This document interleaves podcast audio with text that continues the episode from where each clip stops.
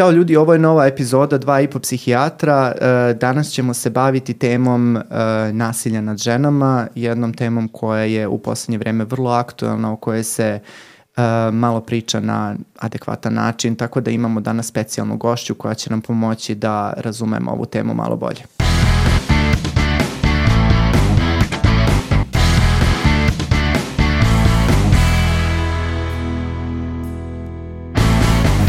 Danas sa nama Tanja Ignjatović, psiholog iz Autonomnog ženskog centra. Tanja, dobar dan.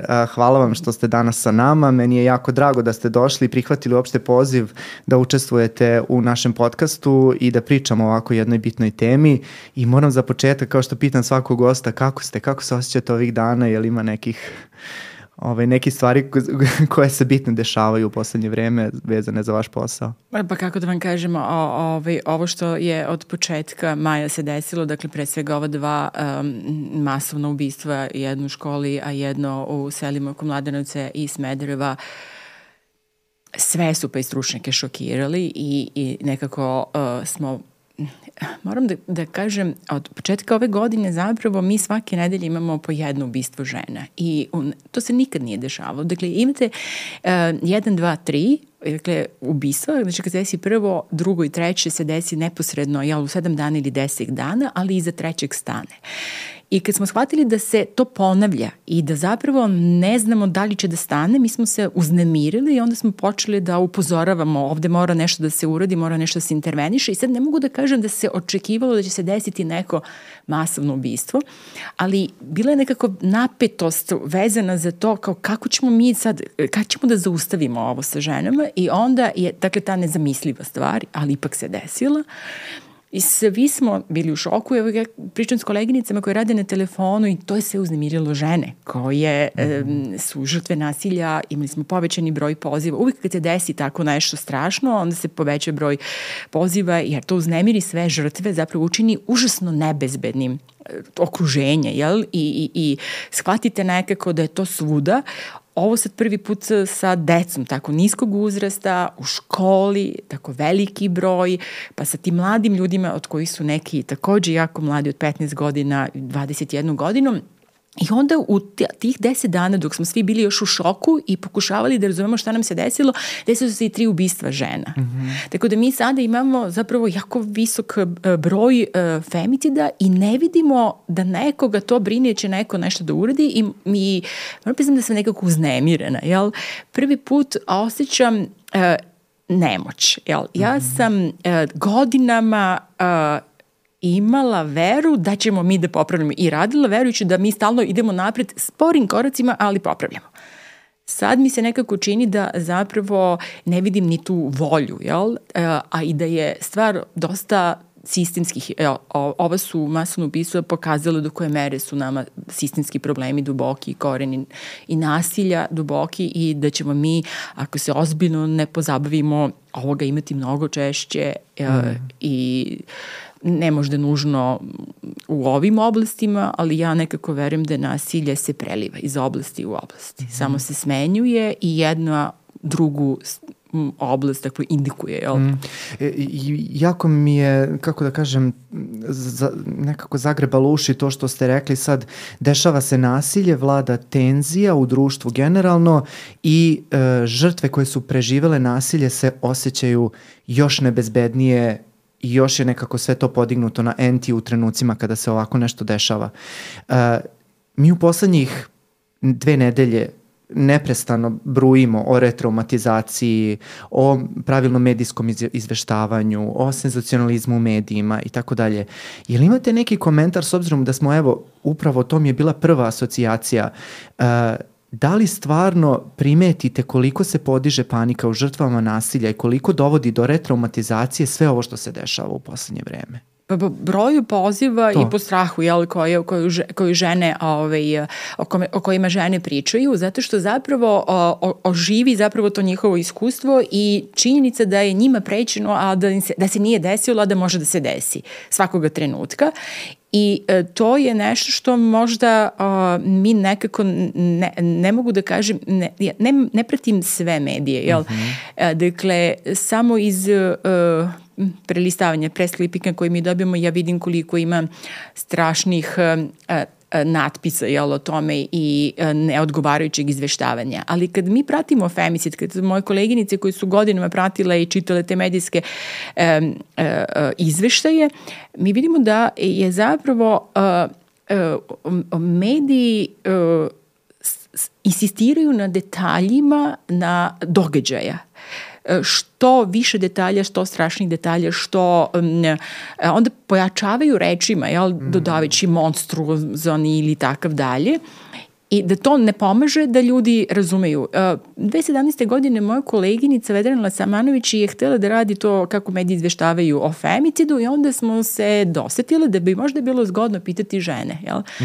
koje se nama obraćaju šta one kažu o tome.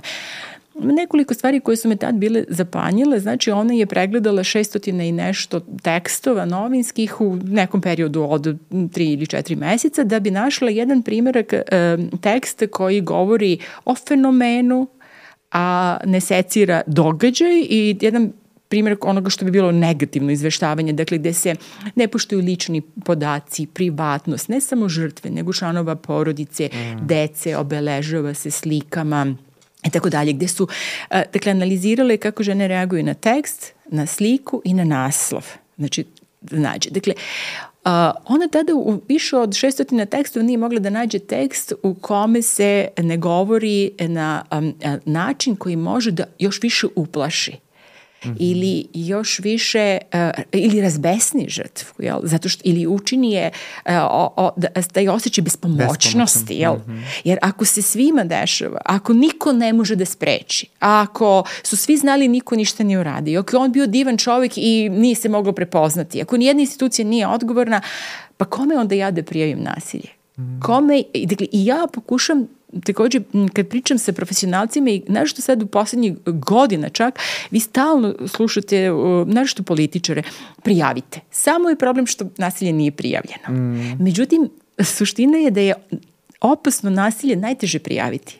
Jer da biste vi prijavili, morate da verujete, da ga prijavite.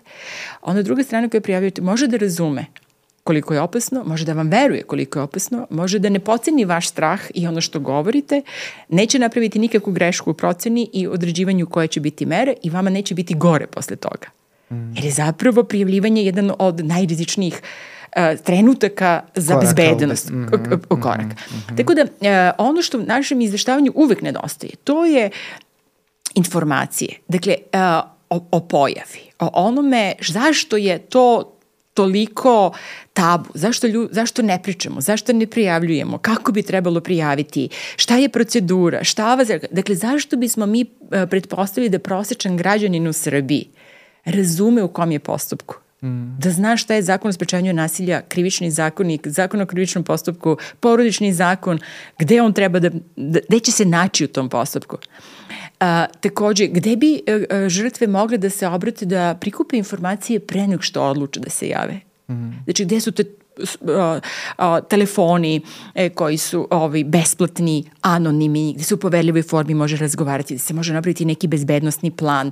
Dakle, nema čak ni tih informacija. Sada češće kod nekih medija to vidim ili u kvadratu ili ispod teksta, obratite se i ne samo kad je u pitanju nasilje, nego kad su pitanje e, suicidalne ideje, mm. e, zavisnosti i tako dalje. Ima, dakle, telefona, obratite se, Znači, takvih informacija nema dovoljno, jel? Mm. Ili, ili ih zapravo nema uopšte, a da ne pričam da nekada, i evo kod ovih slučajeva imate sijaset informacije koje nisu smele uopšte da se nađu. I ja se pitam da li zapravo su profesionalci bili izvori tih informacija ili mediji izmišljaju. Dakle, šta nekoga sprečava? Ako nema nikakve odgovornosti, nikakve sankcije, da izmisli šta je rekao lekar, šta je iz policijskih izvora, sad mislim ovim mladom mhm. dom dečaku, ovom mladiću ili bilo kojem žrtvama i tako dalje.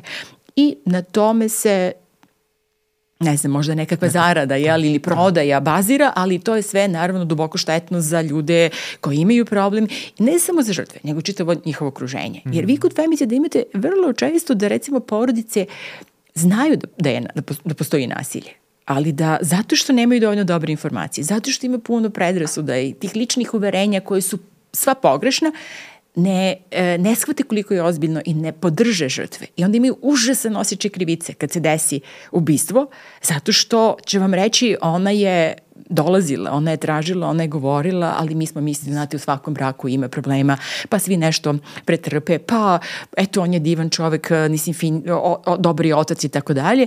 I onda se desi ubistvo i onda ostanete zapravo u šoku da niste prepoznali ni jedan od signala, znakova ko, koji su rečeni. Tanja, e, vi kad ste počeli da pričate uh, o tome, sami ste rekli da nikada više femicida u Srbiji nije bilo. I upravo hoću da kažem da je to u stvari razlog zašto sam došao na ideju da pravimo epizodu upravo posvećenu nasilju nad ženama, jer uh, čini mi se proporcionalno povećanju broja femicida u Srbiji imamo sve manje dobrih glasova koji se čuju vezano za tu temu i upravo to čini mi se ta, ta nesrazmera stvara taj osjećaj, taj kolektivni osjećaj ugroženosti i, i to što ste rekli osjećam se poraženo. E, da li Evo, mislim da smo sada u trenutku kada se snima ova epizoda na broju 18, ako sam dobro ispratio. Ja danas sam, sinoć sam nešto proveravao koliko je, znači 18 od početka godine. E, da li je to da li postoji neko objašnjenje sad, evo, da li imate neko lično mišljenje o tome, ja se izvinjam, ja sad zamuckujem sve vreme, mi jako mi je teško da pričam o ovoj temi mm -hmm. i, i profesionalno i lično i ne znam ni kako biše, ni s koje strane da priđem da bude lakše, ali evo da pitam vas za, za, za vaše lično mišljenje, šta mislite, šta je uzrok tome, jer vi vidim da jako i ostrašćeno pričate i da vas lično ova tema pogađa, pa mi kažite, evo, je li imate neko objašnjenje? Teško. Dakle, imam neke pretpostavke, ali ne mogu da tvrdim da, da je to, uh, dakle, tako. Ja imam utisak da zapravo kada vi, uh, kada se diže tenzija u društvu oko bilo kog uh, pitanja, uh, ekonomskog, političkog, uh, uh, ili imate kada dugo traju nekakve krize, pa se one ne rešavaju, nego samo nas sve više i dublje uznemiravaju, kad se dešavaju stvari koje mogu da ožive ranije traumatske iskustva, na primjer, ništa ne pitamo ili možda se neko time bavi kako na naše ljude deluje rat u Ukrajini, kako deluju te slike izbeglice, porušeni gradovi. Ovo je zemlja puna ljudi koji su došli iz nekih drugih bivših republika Jugoslavije, izgubili su tamo kuću, izgubili su članove porodice, učestvovali su u ratovima, dakle ta oživljavanja trauma.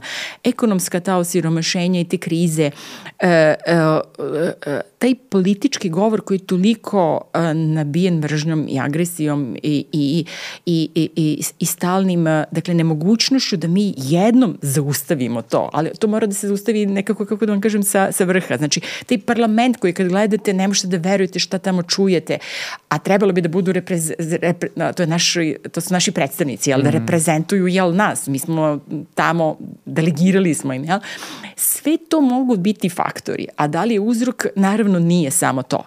Zašto sada imamo ovaj uh, sled od Uh, dakle, ja, ja, ja ne mogu da tvrdim da će ove godine biti najveći broj femicida naravno, do sada, naravno. ali nikada nismo imali sled. Dakle, da vi imate svake nedelje, nedelje. bezmal i da i po jedno ubistvo i da ne može da prestane, jel? I tamo pomislite, aha, je, pauza od jedna, jednu nedelju, evo, znači, u ovom trenutku kad su se desila ova dva masovna ubistva, još tri, jel, se, des, se ubistva desila. I um, zašto? Ne mogu da, da pretpostavim, ali mislim da smo mi došli u jedno stanje kada mi šta god da govorimo niko ne reaguje. Šta god da kažemo nije u redu, mora da se uradi, ne vidimo, institucije su iscrpljene, nema ljudi u institucijama, uh, zapošljavaju se mladi ljudi koji nisu dovoljno dobro obučeni, nemaju iskustva i dobijaju teške slučajeve da, da rade, ne mogu da prepoznaju, uh, nema odgovornosti, nema na onima koji rukovode, nema dovoljno ljudi koji imaju dovoljno znanja, koji imaju dovoljno stručnosti, Dakle, e, izgleda da je to sve nekako kumuliralo. I da mi sada nekako ne znam da li ćemo moći da se vratimo i ozbiljno da se vratimo unazad, jer smo prešli tu liniju. Kao da je, znate, kad se to tako puni, puni, vi jednog trenutka očekujete da će da eksplodira. Samo ne znate koji je taj trenutak, kada će to da se desi. Ja? I uh, ovo nije prvi put, naravno, mi smo imali godine kada se desi masovno ubistva kad su u pitanju uh, ovo, rodna ubistva. Znači, mm -hmm. kada uh, muškarac koji ubije ženu, ubije i još nekoliko članova porodice njene ili zajednički članove porodice ili komšije i tako dalje, pa su uh, godine kad su broj femicida prelazi od 30, uh, 33 je bio 35, 43 jedne godine, 2013. godine kad je bilo ono masovno ubistvo dakle kad je čovjek po selu ubijao mm. komšije ovi Ivanči.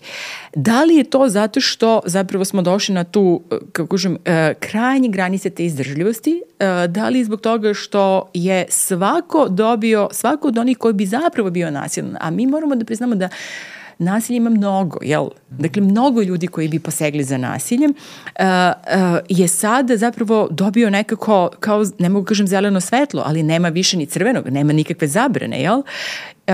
Pa se to onda samo preliva, jel? To ne mogu da vam kažem zato što ni, ne, ne, ne, ne sagledam sve da. stvari tako široko, ali ono što vidim, vidim zamor uh, u institucijama, onim ljudima koji, koji ozbiljno rade, koji treba da ovo spreče um, i, i to je, me takođe čini um, uh, uh, uh, nespokojnom u odnosu na to da ćemo mi suštinski da promenimo. Sam mislite sad da primite 250, 500 psihologa. Gde su ti psiholozi? Šta ti psiholozi znaju, jel? Psihijatara po školama, u centrima socijalni rad nedostaju. Mi smo 10 godina urušavali socijalnu zaštitu, obrazovanje i zdravlje. Svake godine pomalo smanjujući budžete, nema ništa prevencije. Dakle, nama se ovo desilo zato što se piramida obrnula. Mm u normalnim društvima vi i radite jako široko prevenciju na najranijim uzrastima.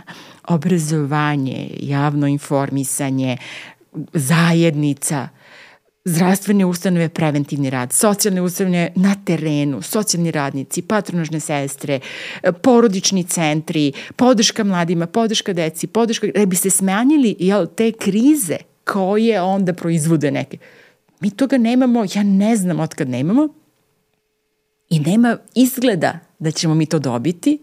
Mi jedino što imamo to su vanredni izbori vanredni izbori to znači promena ministara, dok se oni tamo nameste, dok oni nameste mm. direktore, mm. prođe vreme i vi zapravo mi ošte ne rešamo. Mi zakon o socijalnoj zaštiti od 2011. godine ne možemo da promenimo godinama unazad. Samo to je jedan zakon. A da ne pričam da nama neke strategije, evo strategije o sprešavanju nasilja prema ženama koji smo mi 21. godine usvojili, nema još uvek akcioni plan. Treću godinu. Kad nešto nema akcioni plan, znači nema financija. Ni za jednu propisanu meru. Znači, imate samo, imamo samo papire. Mm.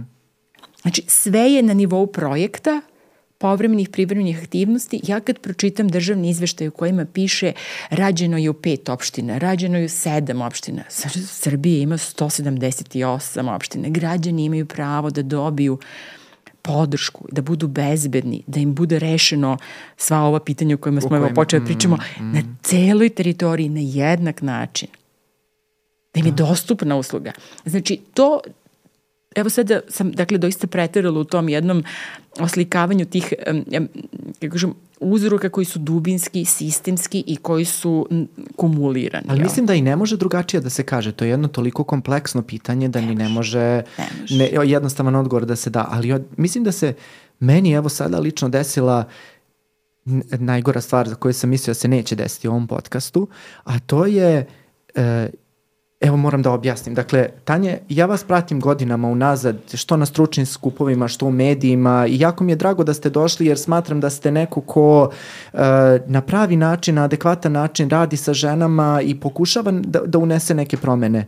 I kada mi vi dođete i kažete ja sam izgubila nadu donekle i, i ne znam da li ima sada nade, ja sada evo kako da vam kažem, ne znam ni ja kako da se, kako da se gledam taj problem i onda i, nekako u vas gledam kao nekoga ko je spreman i stalno je tu i stalno nam priča i stalno nam, kao da nam lupi šamar svaki put kada priča o, o ovoj temi, ajde ljudi urazumite se, ajde krenimo nešto. Ja lično video sam promene kod sebe nakon, ovaj, nakon nekih vaših predavanja i nekih vaših obraćanja na stručnim skupovima i sada kad mi vi kažete da, da polako gubite nadu, onda se pitamo, pa dobro, šta ćemo sutra?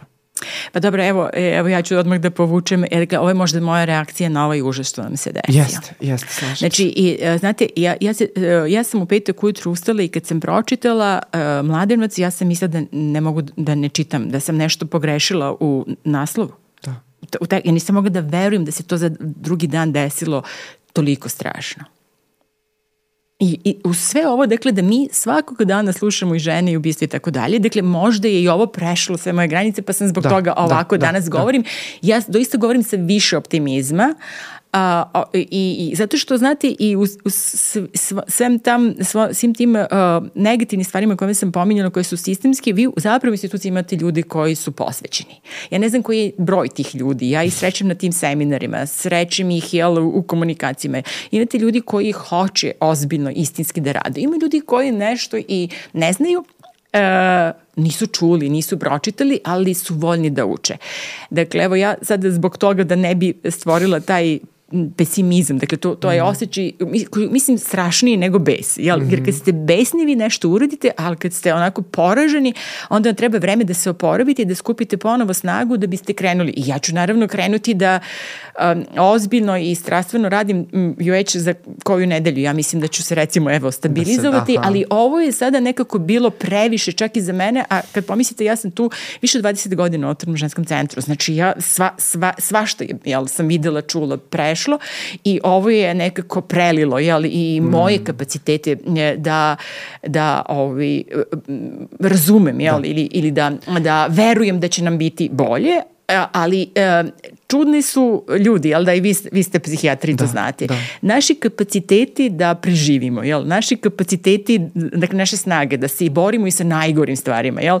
Ipak postoje i mi ćemo u nekom trenutku krenuti. Ono što ja jedino imam problem, to je sa time da će neko ko je odgovoran za ovaj sistem hteti da sedne da razgovara i hteti da napravi nešto ozbiljno sistemski, a ne ja razumem, moraju da postoje mere da se umiri narod, jel? Vi zaćete sa nekoliko mere, jel? Mm. Ali nama je, je, ta, se tako funkcioniše, to tako ne može. Mm.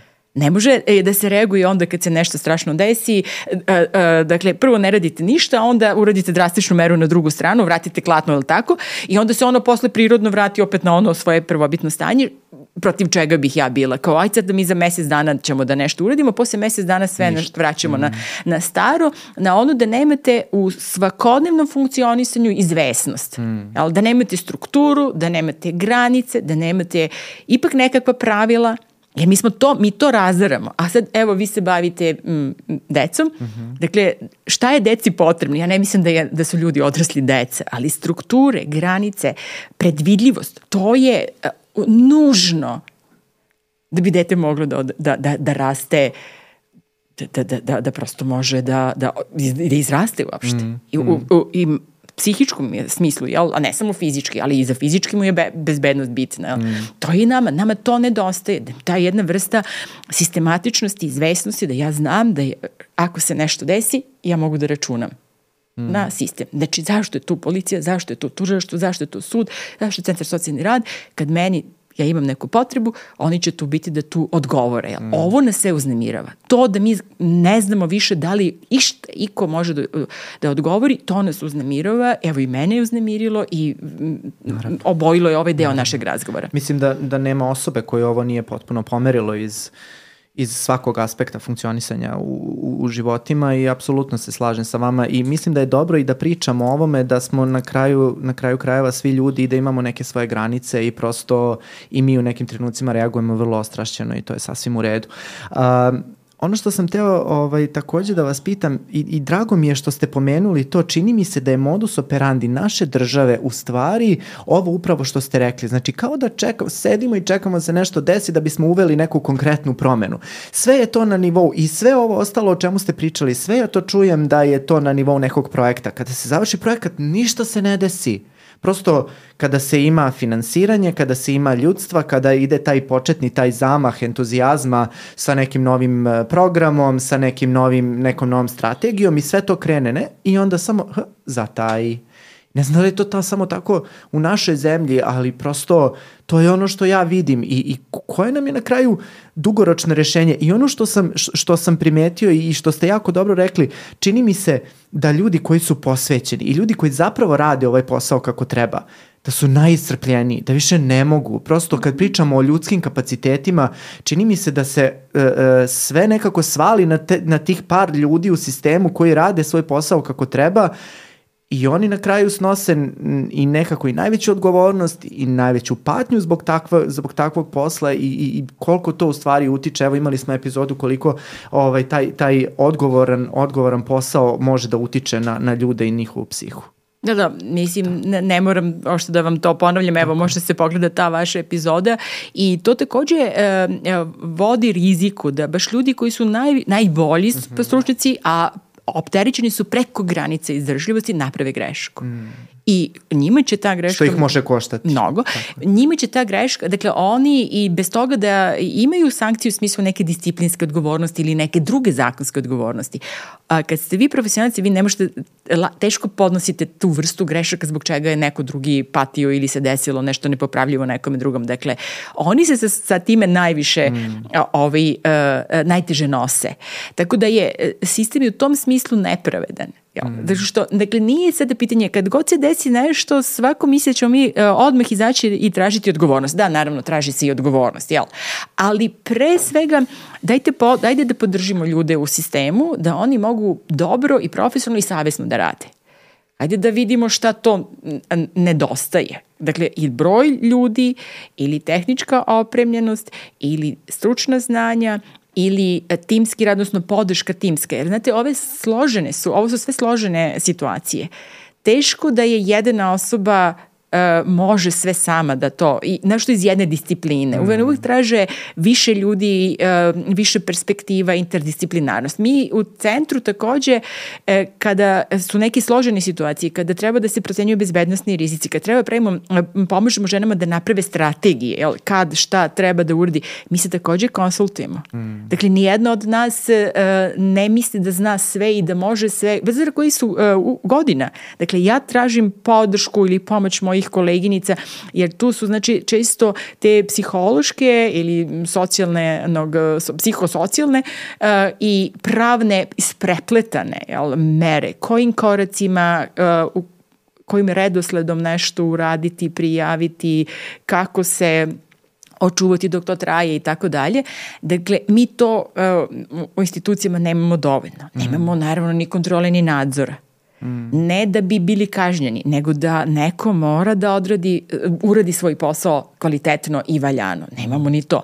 Tako da to jeste jedan problem kada pričam sa ljudima, ja dosta radim edukacije, dosta pričam, jel, e, ovo što, ili predavanje i tako dalje. Ja um, razumem taj teret, jel, da je onima koji najviše rade najteže da. i da imate neke koji uh, toliko slabo rade da onda im se nikad ne daju teški i složeni. Tako, ne delegiram se, zato što se uh, ljudi, uh, sistem funkcioniše tako da vi zapravo izbegnete da njima date ozbiljne stvari jer znate da će da naprave uh, ili ništa ne uradi ili naprave neku štetu i onda se opterećuju ovi i, i tako, i, iscrpljuju se i, i dakle mm. to je sve naravno teška priča. Uh, Tanja, ja moram da priznam da sam ja potpuno drugačije zamislio ovu epizodu, ja. ali smo otišli ja potpuno u nekom drugom smeru, ali mislim da je strašno bitno da se ove stvari prvo objasni i prvo čuju koji su uopšte naši motivi i zašto smo uopšte motivisani ovoliko da pričamo o ovoj temi. Drago mi je što ste pomenuli i ovaj vaše neke aktivnosti u autonomnom ženskom centru, pa vas molim evo za ljude koji do sada nisu čuli ili su čuli za centar, a ne znaju čime se bavi, da nam opišete u stvari koje su to vaše glavne oblasti delovanja, ko sve radi u autonomnom ženskom centru i čime se, u, u, sa čime se najčešće susrećete? Pa, dakle, evo, ove godine mi imam 30 godina od o, Srećan rođendan. Eh, hvala, te, tek u decembru, ali sve jedno, od cele godine ovaj, primimo veliki, čestitke veliki i veste. Aha. Znači, to je jedna od najstarijih uh, ženskih organizacija koja se bavi nasiljem, a znači na, nastala, jel, izdvojila se kao posebna organizacijna jedinica iz onog prvog SOS telefona 90. godine, a taj prvi SOS telefon je bio dakle na liniji uh, Ljubljana Zagreb Beograd 89. u Ljubljani pa uh, uh, ovaj, 90. u, u Zagrebu pa, pa u Beogradu. Znači, grupa žena koje su vrlo različitih profesija. Tu je bilo i pravnice i psihološkinje, ali bilo je i građevinski inženjerki i elektrotehničarki i tehnološkinja koje su u to vreme zapravo shvatile da nasilje u porodici ima toliko mnogo, a da društvo nema nikakvog odgovora na to. Dakle, to tada nije bilo ni krivično delo, dakle, bilo je potpuno privatna stvar. U najboljem slučaju policija je mogla da vam kaže kad pozovete i kažete da dobijete batine, pa gospođo kao da je to na ulici, policija bi intervenisala, ali u vašu kuću ne može da se meša, u vaš brak i možete se razvedete. E. Čekajte, to je 90. godina bilo o tom? Pa da, pa mi smo krivično delo nasilje porodici iz 2002. godine.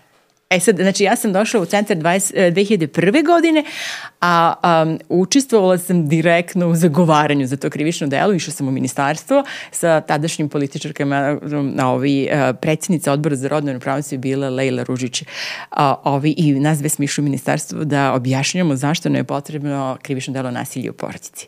Ja I, samo znači... zamišljam vašu, uh, vaš nivo uh, ostrašćenosti pre 20 godina. Ja samo mogu da zamislim to kako vi sa e, papirima pa, odlazite u ministarstvo. Prvo je, uh, dakle, uh, najviše, dakle, moram da kažem da je Lejla tu bila najzasluženija. Ja sam tad bila dosta ovaj, mlađe i ja jesam verovala, ali znate, to ipak kao nisam znala kako to sve funkcioniše. A to funkcioniše da nas ošte nije prima ministar, pa ni državni sekretar, nego neko neki od tih pomoćnika koji jako, jako mladi ko to što ne zanima. I nje, naša sreća je bila da je on nama rekao izvolite, ovde ću vas primiti u tom nekom odeljenju gde su žene koje pišu te to, uh, normativu, kao koje uređuju zakone. Aha. Mislim, žene. Slučajno se desilo da kad smo nas dve ušli, to je bilo četiri žene, I e, mi smo tako, Lejla je sa njima nešto razgovarala, ona je pravnica i u nekom trenutku ona je rekla, ajde sad ti objasni zašto nam, zašto je različito. Te su žene pitale zašto kad imamo laku telesnu povredu, tešku telesnu povredu i tako dalje. I onda sam ja objasnila zašto je nasilje u porodici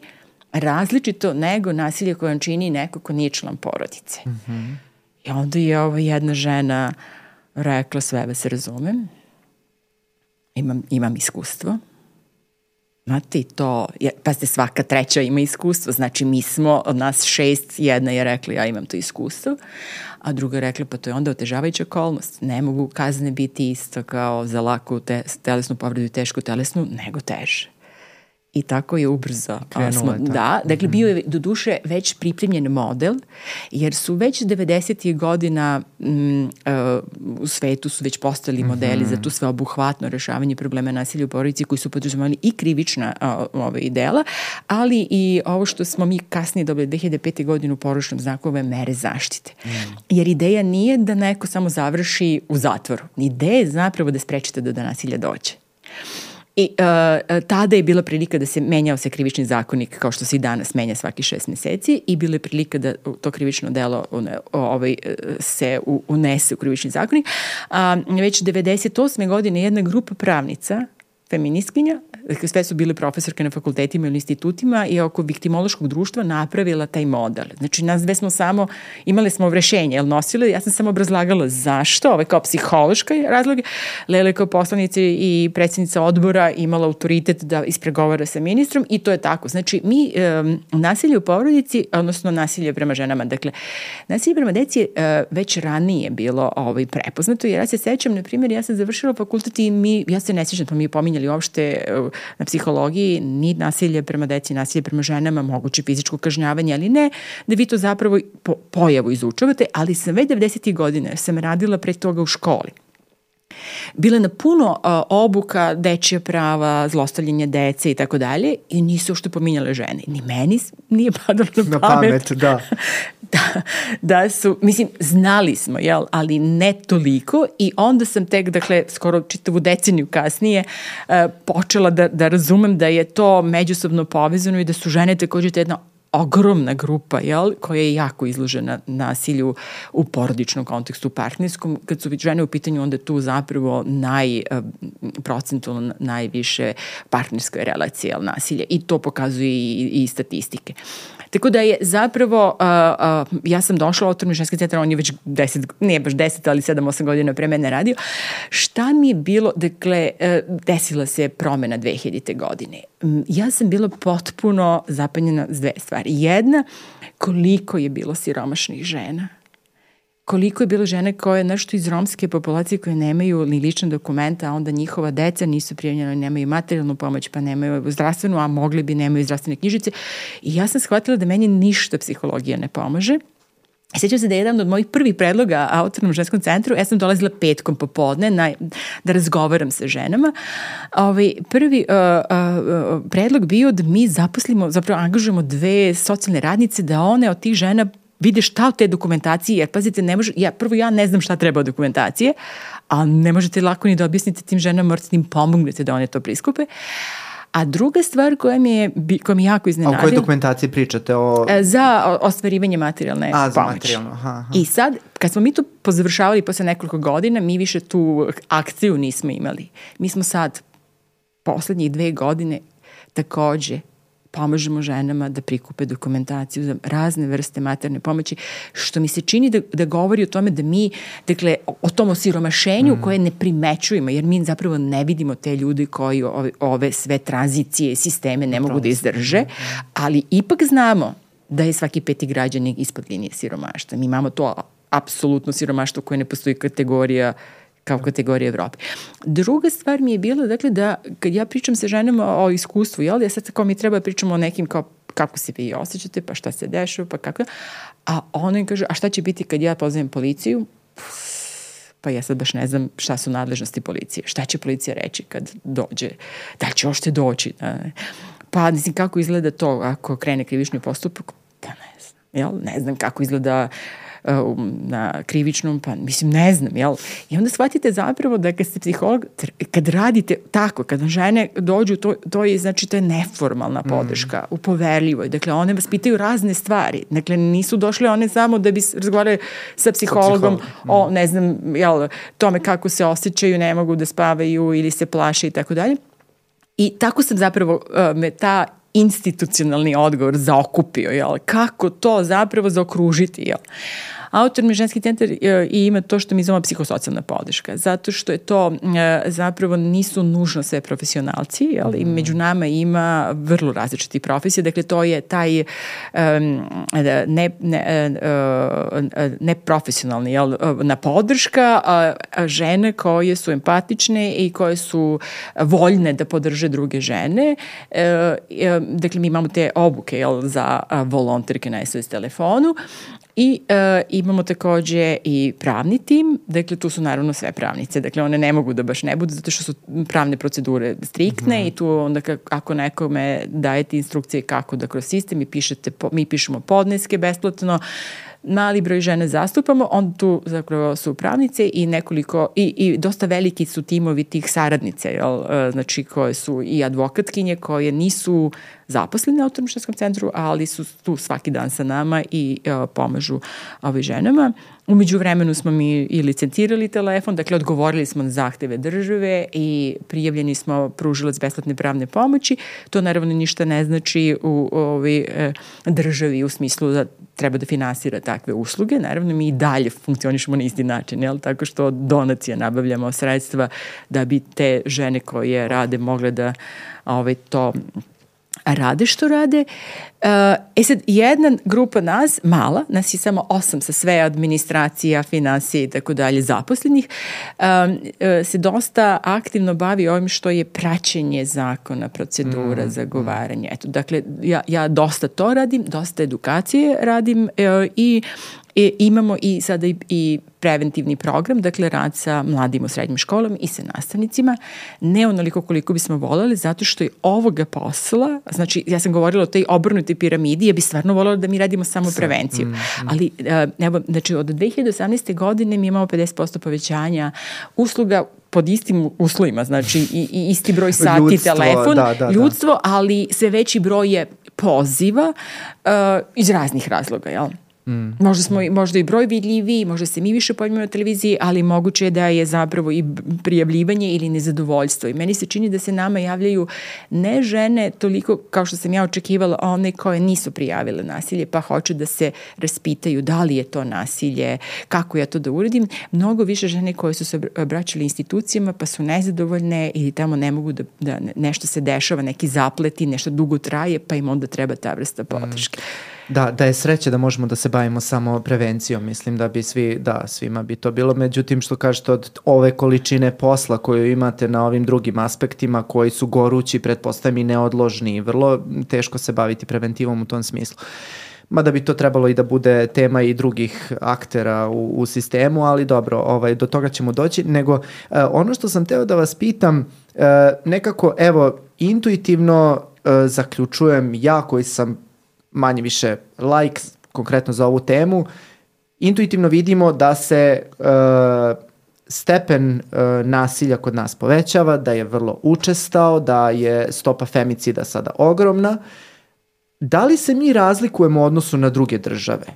Jel postoji razlika između recimo nas, zapadnih država ili država u kojima je to nekako malo bolje regulisano? Šta nam govore podaci o tome? E sad, e, znači to je isto zanimljivo sa tim podacima, znači jedan deo podataka um, dolazi iz administrativnih, e, administrativnih podataka, evidencije, znači policija, tužilaštvo, uh, sudovi. Jedan deo podataka su iz istraživanja. Uh, uh, uh, sa podacima nije uvek lako, jel? Kada ih govorimo o brojevima, onda nekako treba da se stavimo u kontekst, jel? Mm. Zato što zapravo, možemo evo sada da pitamo se, dakle, kada um, se radi neko istraživanje, mi možemo da pitamo, aha, dobro, uh, pretpostavimo da je reprezentativan uzorak žena koje će biti pitane, dakle, po celoj teritoriji, svih onih struktura kako bi to uradili istraživači. Pretpostavimo da su anketari, anketarke dobro obučene, pretpostavimo da je metodologija dobra, jer šta mi zapravo pitamo ženu? Ne pitamo je jeste li vi žrtva nasilja, pa na primjer fizičkog nasilja, nego je pitamo određene kao, dakle, ponašanja, jel? Aha, i da li je bilo ikada toga, pa toga, pa toga.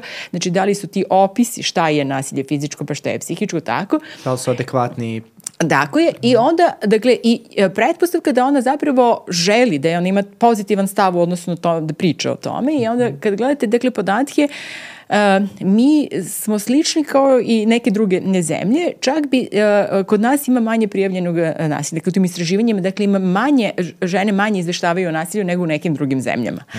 Ali to što se kod nas manje izveštava o nasilju ne znači da ga ima manje kod nas, a da ga ima više, jer paradoksalno vi zapravo vidite da više prijava nasilja dolazi iz zemalja koje su ekonomski razvijenije, mm. gde je rodna ravnopravnost na mnogo boljem ovaj, nivou i tako će vam zapravo žene iz Danske, Švedske ili Finske pribrivati mnogo veći procenat nasilja u tim anketama nego žene iz ovog našeg regiona ili Srbije, ali uh, ovaj, i, i, i znači, dakle, to mora da se sagleda u kontekstu, jel?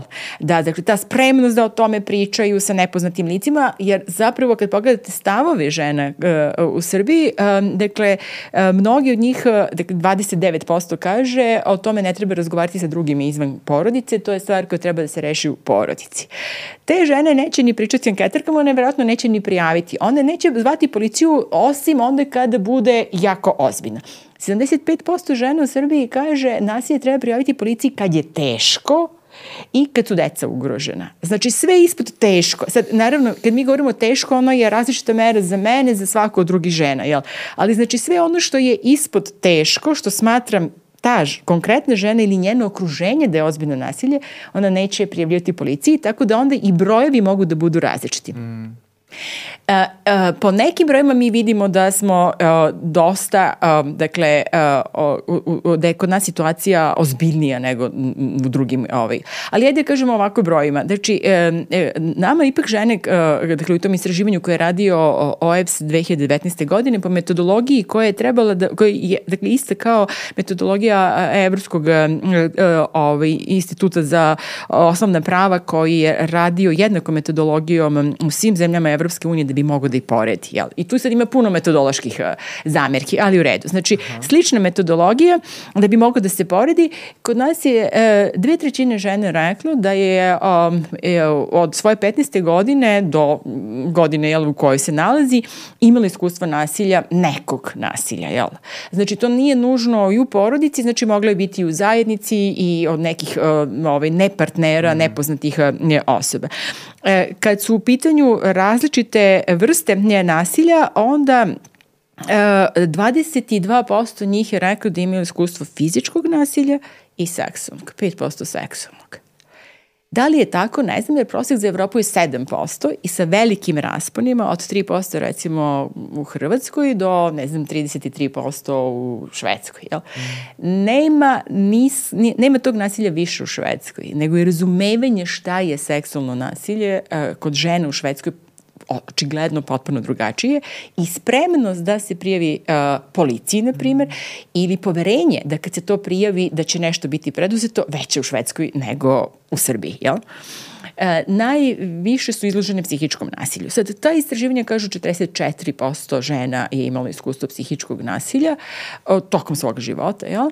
E, onda, a, dakle, ekonomsko nasilje se do skora i u tom istraživanju, recimo, s 19. godine podvodilo pod psihičko nasilje, ali je ono već od ove Istanbulske konvencije koja je, koju smo mi ratifikovali i koja predstavlja standard, posebna forma nasilja i samo 12% žena je rekla da je ima iskusilo ekonomsko nasilje nasilje, da li je tako ne znamo, 11% njih proganjanje, Uh, prostek za Evropu je recimo kod proganjanja veći. Zašto? Ne znamo. Tako da uh, uh, nije lako praviti direktna poređenja brojeva u različitim jel, zemljama, ali sve što govore brojevi kod nas pokazuje da situacija nije ni slučajno jel, povoljna. S tim što, na primjer, žene koje su uh, nisu zaposlene, odnosno ne rade izvan kuće, one koje su zaposlene u kući ili samo brinu članove porodici, žene koje imaju decu, su više ugrožene nego ove druge žene. Znači sad je nekakve razlike među ženama, jel? Njihova, njihove pre svega socijalne pozicije i tako dalje određuju koliko su one izložene. Ovo su sve sad proseci, ali mm. znači e, kad gledate pojedine grupacije žena, one su mnogo... Postoje veći manje rizici. Veći manje rizici mm -hmm. da budu. Mm -hmm. E sad kad je... A kada se pominje razlika urbano-ruralno područje, je li ima tu nekih razlika? E, a, dakle, a, i, a, nasilje ima i urbanom, što potvrđuje da zapravo nije samo u ruralnim gde je, su tradicionalne, zato što se obično misli da to pripada nekakvom stariji vremenu i tradicionalnim zajednicama, jel, i gde je ono više patriarhalni odnosi. Dakle, ima ga i u gradovima.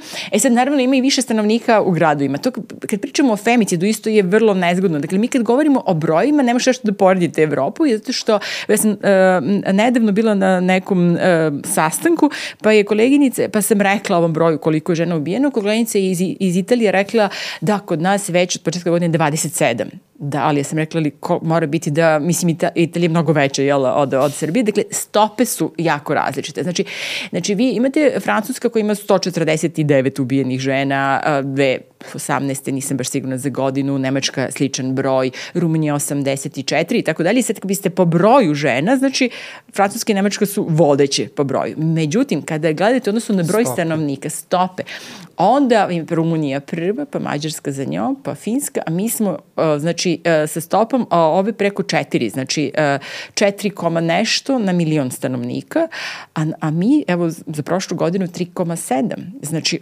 Mađarska 4,2, Finska 3,6, evo mi smo odmah iza mhm. prve dve u, u Evropi. E, uopšte, ceo ovaj region, kad su u pitanju ubistva, ima jako visoke stope. Znači, Hrvatska takođe je dosta visoka, iako je članica Evropske unije, niži nego Srbija, ali visoka. Jedino Bosna i Hercegovina nešto niži, ali Srbija, Albanija, Kosovo, Crna Gora, Turska, dakle, jako visoke stope. I od godine u godine se to malo menja, jer nekad ima više ubi, nekad je fluktuira, mhm. ali dakle, e, tu smo, dakle, očigledno vrlo različite u odnosu na, na neke zemlje, ali ne, kao, kao što je, recimo, uh, Engleska i Velska koji imaju 0,13. Mm. Uh, Škotska takođe, recimo 0,17. Zanimljivi su ti kulturološki utice, jer, na primjer, gledate u Ujedinjeno kraljevstvo, Severna Irska ima stope preko 4 a ove tri druga dela u Ujedinjoj kraljevstvi imaju ispod, dakle 0, nešto. Tako da tu ima vrlo različiti faktore koji utiču koji, koji zapravo nekako očigledno doprinose moguće, recimo Severne Irske, i zbog uh, građanskog rata do, do, puno oružja koje postoji i zbog tradicionalnih, jel, možda je različito. I kod nas takođe, te ovaj, ovaj region je dakle, mnogo više patrihan, a da, to ste mi pitali za grad. A, dve trećine u gradu ubistava, dakle nije jedna trećina u selu. E sad, naravno, veći je procenat i, i stanovnika, tako da ne može ni to da se kaže, da se ali znači, dakle, i ubistva i nasilje nasilje ima u gradu i ima, je, ima ga i kod žene koje su visoko obrazovane, koje su zaposlene, koje imaju čak i imovinu na svoje ime. Dakle, zato što um, uh, dakle, je to uh, kako da kažem, nasilje čine muškarci od njih, njih zavise. Ne zavisi od toga da li, kakva je žena, jel? Mm. Znači, ona će biti žrtva zato što je žena, a ne zato što je neobrazovana, obrazovana, zaposlena i nije obrazovana, a, nije zaposlena. A samo je, različiti su načini na koje se te žene nose sa nasiljem, resursi da razreše te situacije i nekada ni to što ste visoko obrazovani ili ne, na nekim vrlo uglednim pozicijama nije ne prednost, naprotiv. Mm -hmm. To se krije zato što je, dakle, što je veća razlika između toga da ste profesionalno uspešni, porodično neuspešni, veće je, e, e, teže je izaći i reći, evo ja sam žrtva iako sam sudija i ako sam mm. profesor univerzitetski, a mi znamo da to postoji i u krajnjoj liniji i radimo sa ženama različitih uh, pozicija. Najintrigantnije mi je ovaj podatak i prosto ne mogu da se oporavim posle toga kad ste rekli koliko je niska stopa prijavljivanja i uh, niska spremnost uh, žena da prijave nasilje. Samo 9% uh, žena u tom istraživanju prijavi svog partnera s kojim živi.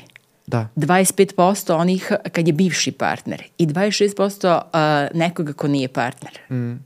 Znači svaka četvrta. Većina će to rešiti u privatnom, neformalnom okruženju. I to možda nije ni toliko loše ako je, se radi o nasilju niskog intenziteta mm -hmm. i onom nasilju koje nije uh, sklono da se nastavlja da i eskalira. nakon. E, mm -hmm. Da, mhm. eskalira i ne nastavlja se nakon prekida. Mm. E, znate, jer nekad nasilje, um, dakle, to je nešto što je, dakle, prešlo iz sukoba, jel, eskaliralo je mhm. i ako imate dobre granice vi kažete nemoj to više nikada i a, a ako se desi drugi put, apsolutno možete potpišati da će se desiti treći, četvrti, peti, dakle da će se mhm. ponavljati. Znači, možem. znači samo mhm. jedan put može, kad kažete nikada više ovo da nisi uradio, dakle tad može da se pređe preko toga i tu nešto može da se urodi, drugi put gotovo je. Dakle, ponavljaće se. Mm. E, i sad kad neke žene reše da ostave partnere, i nezavisne su dovoljno i on nije fiksiran, jel? neće da ih maltretira, proganje i tako dalje, to stane i to je u redu. Mm. I ja i ne mislim da sve treba da se prijavljaju policiji. Mm. Mnoge stvari mogu da se, da se reše, reše i bez mm. policije. Mm -hmm. A um, kad god pričamo o temama nasilja, meni je taj fenomen prijavljivanja, odnosno neprijavljivanja možda um, ključna stvar koja je um, nekako i uvek ti podaci koji tako visoke stope nespremnosti da se prijavi nasilje su za mene nekako najviše poražavajuće. E sad, uh, kažite mi vi, uh, već smo pomenuli jedan od ključnih faktora, čini mi se nekoliko puta smo već naglasili nepoverenje u institucije. I s tim se apsolutno slažem. A da li postoji još neki, da kažem, neki faktori koji utiču na to, evo vi kao psiholog možete nam kažete, koji utiču na to da žena neće biti spremna da prijavi nasilje. Da li bi to bila uh, osuda okoline, stigmatizacija, marginalizacija, strah od, gubitka dece, posla i tako dalje. Da li, evo, iz vašeg ličnog kontakta sa, sa žrtvama nasilja, šta su teme koje su centralne u tom smislu? I, i, i uverenja lične. I, I to što to, zapravo, to. Uh, znate, svako ima svoju meru šta je nasilje. Neke žene uopšte neke, neka ponašanja i ne doživljavaju kao nasilje. Znaš što kad su pitanju psihičko nasilje? Aha. Znamo, na primjer, kontrola. Znači, mnoge žene žive tako da ne donose odluke o bitnim pitanjima, jel? Da muž donosi odluke ili da one donesu odluke, a on to promeni ili ignoriše ili da one odustanu, recimo, izolacija, odustanu od nekakvih relacija, uh, manje se druže sa nekima, prestanu se druže sa nekima i da to sve bude uh, normalizovano da bi se sačuvao mir u odnosu, da bi, eto, kao naša porodica najvažnija, njemu se ne sviđa moja mama, pa mu se ne sviđa ni moja kuma, pa za, ja ću onda da prestanem jel, da dovodim, da zovem da dođu kod nas, pa ću prestati da idem. Dakle, mnoge stvari se ne prepoznaju, jel? I, i, ili, se, ili se prepoznaju, ali se nekako normalizuju, prihvate se. Zato što će vam zapravo mnoge druge žene s kojima neformalno razgovarate, mm -hmm. mislim, pretpostavljam da žene češće razgovaraju sa ženama, ali možda i drugi muškarci reći, pa dobro, u svakom braku, jel, u svakoj porodici ima nekih problema. Pa tamo, posla kad bi ti za svaku sitnicu zvala policiju ili se razvodila. Znači neka normalizacija iskustva da kaže Tako da se je. dešava. Meni se jednom desilo, i to često pričam kao anegdotu, mi, e, ima dakle nešto što mi zovemo točak moći i, i ovaj, nasilja. To je jedan model koji je razvijen u jednom malom mestu u Minnesota, zove se Duluth i koji je postao globalno poznati model i koji zapravo opisuje, e, dakle, organizuje iskustva žena u e, e, dakle, različite ponašanje nasilnika kao i onda ih naziva određenim e, nazivim kao na primjer emotivno zlostavljanje pa ne znam nija ovaj, kontrola pa izolacija pa zloupotreba dece pa ekonomsko zlostavljanje pa korišćenje muških privilegija. To dolazi iz ovoga konteksta kulturološkog koji je svuda mislim globalni je jel iako se menja iako smo mi savremenija savremena društva dakle nekako muškarci su društveno bolje pozicionirani, imaju više privilegije i mi to vidimo na različitim mestima. Jel? I u vrlo savremenim i razvijenim zemljama, a da ne pričamo o onim koji su mnogo tradicionalni gde postoje zakoni koji su doista surovi u odnosu na žene. Dakle, sad mi ne pričamo uglavnom evropski kontekst, jel? ili ovaj zapadni Balkan, ne pričamo Azija, Afrika, uh, znači Latinska Amerika, gde su situacije za žene mnogo drastičnije, jel? i po broju ubijenih i po nasiljima i tako dalje.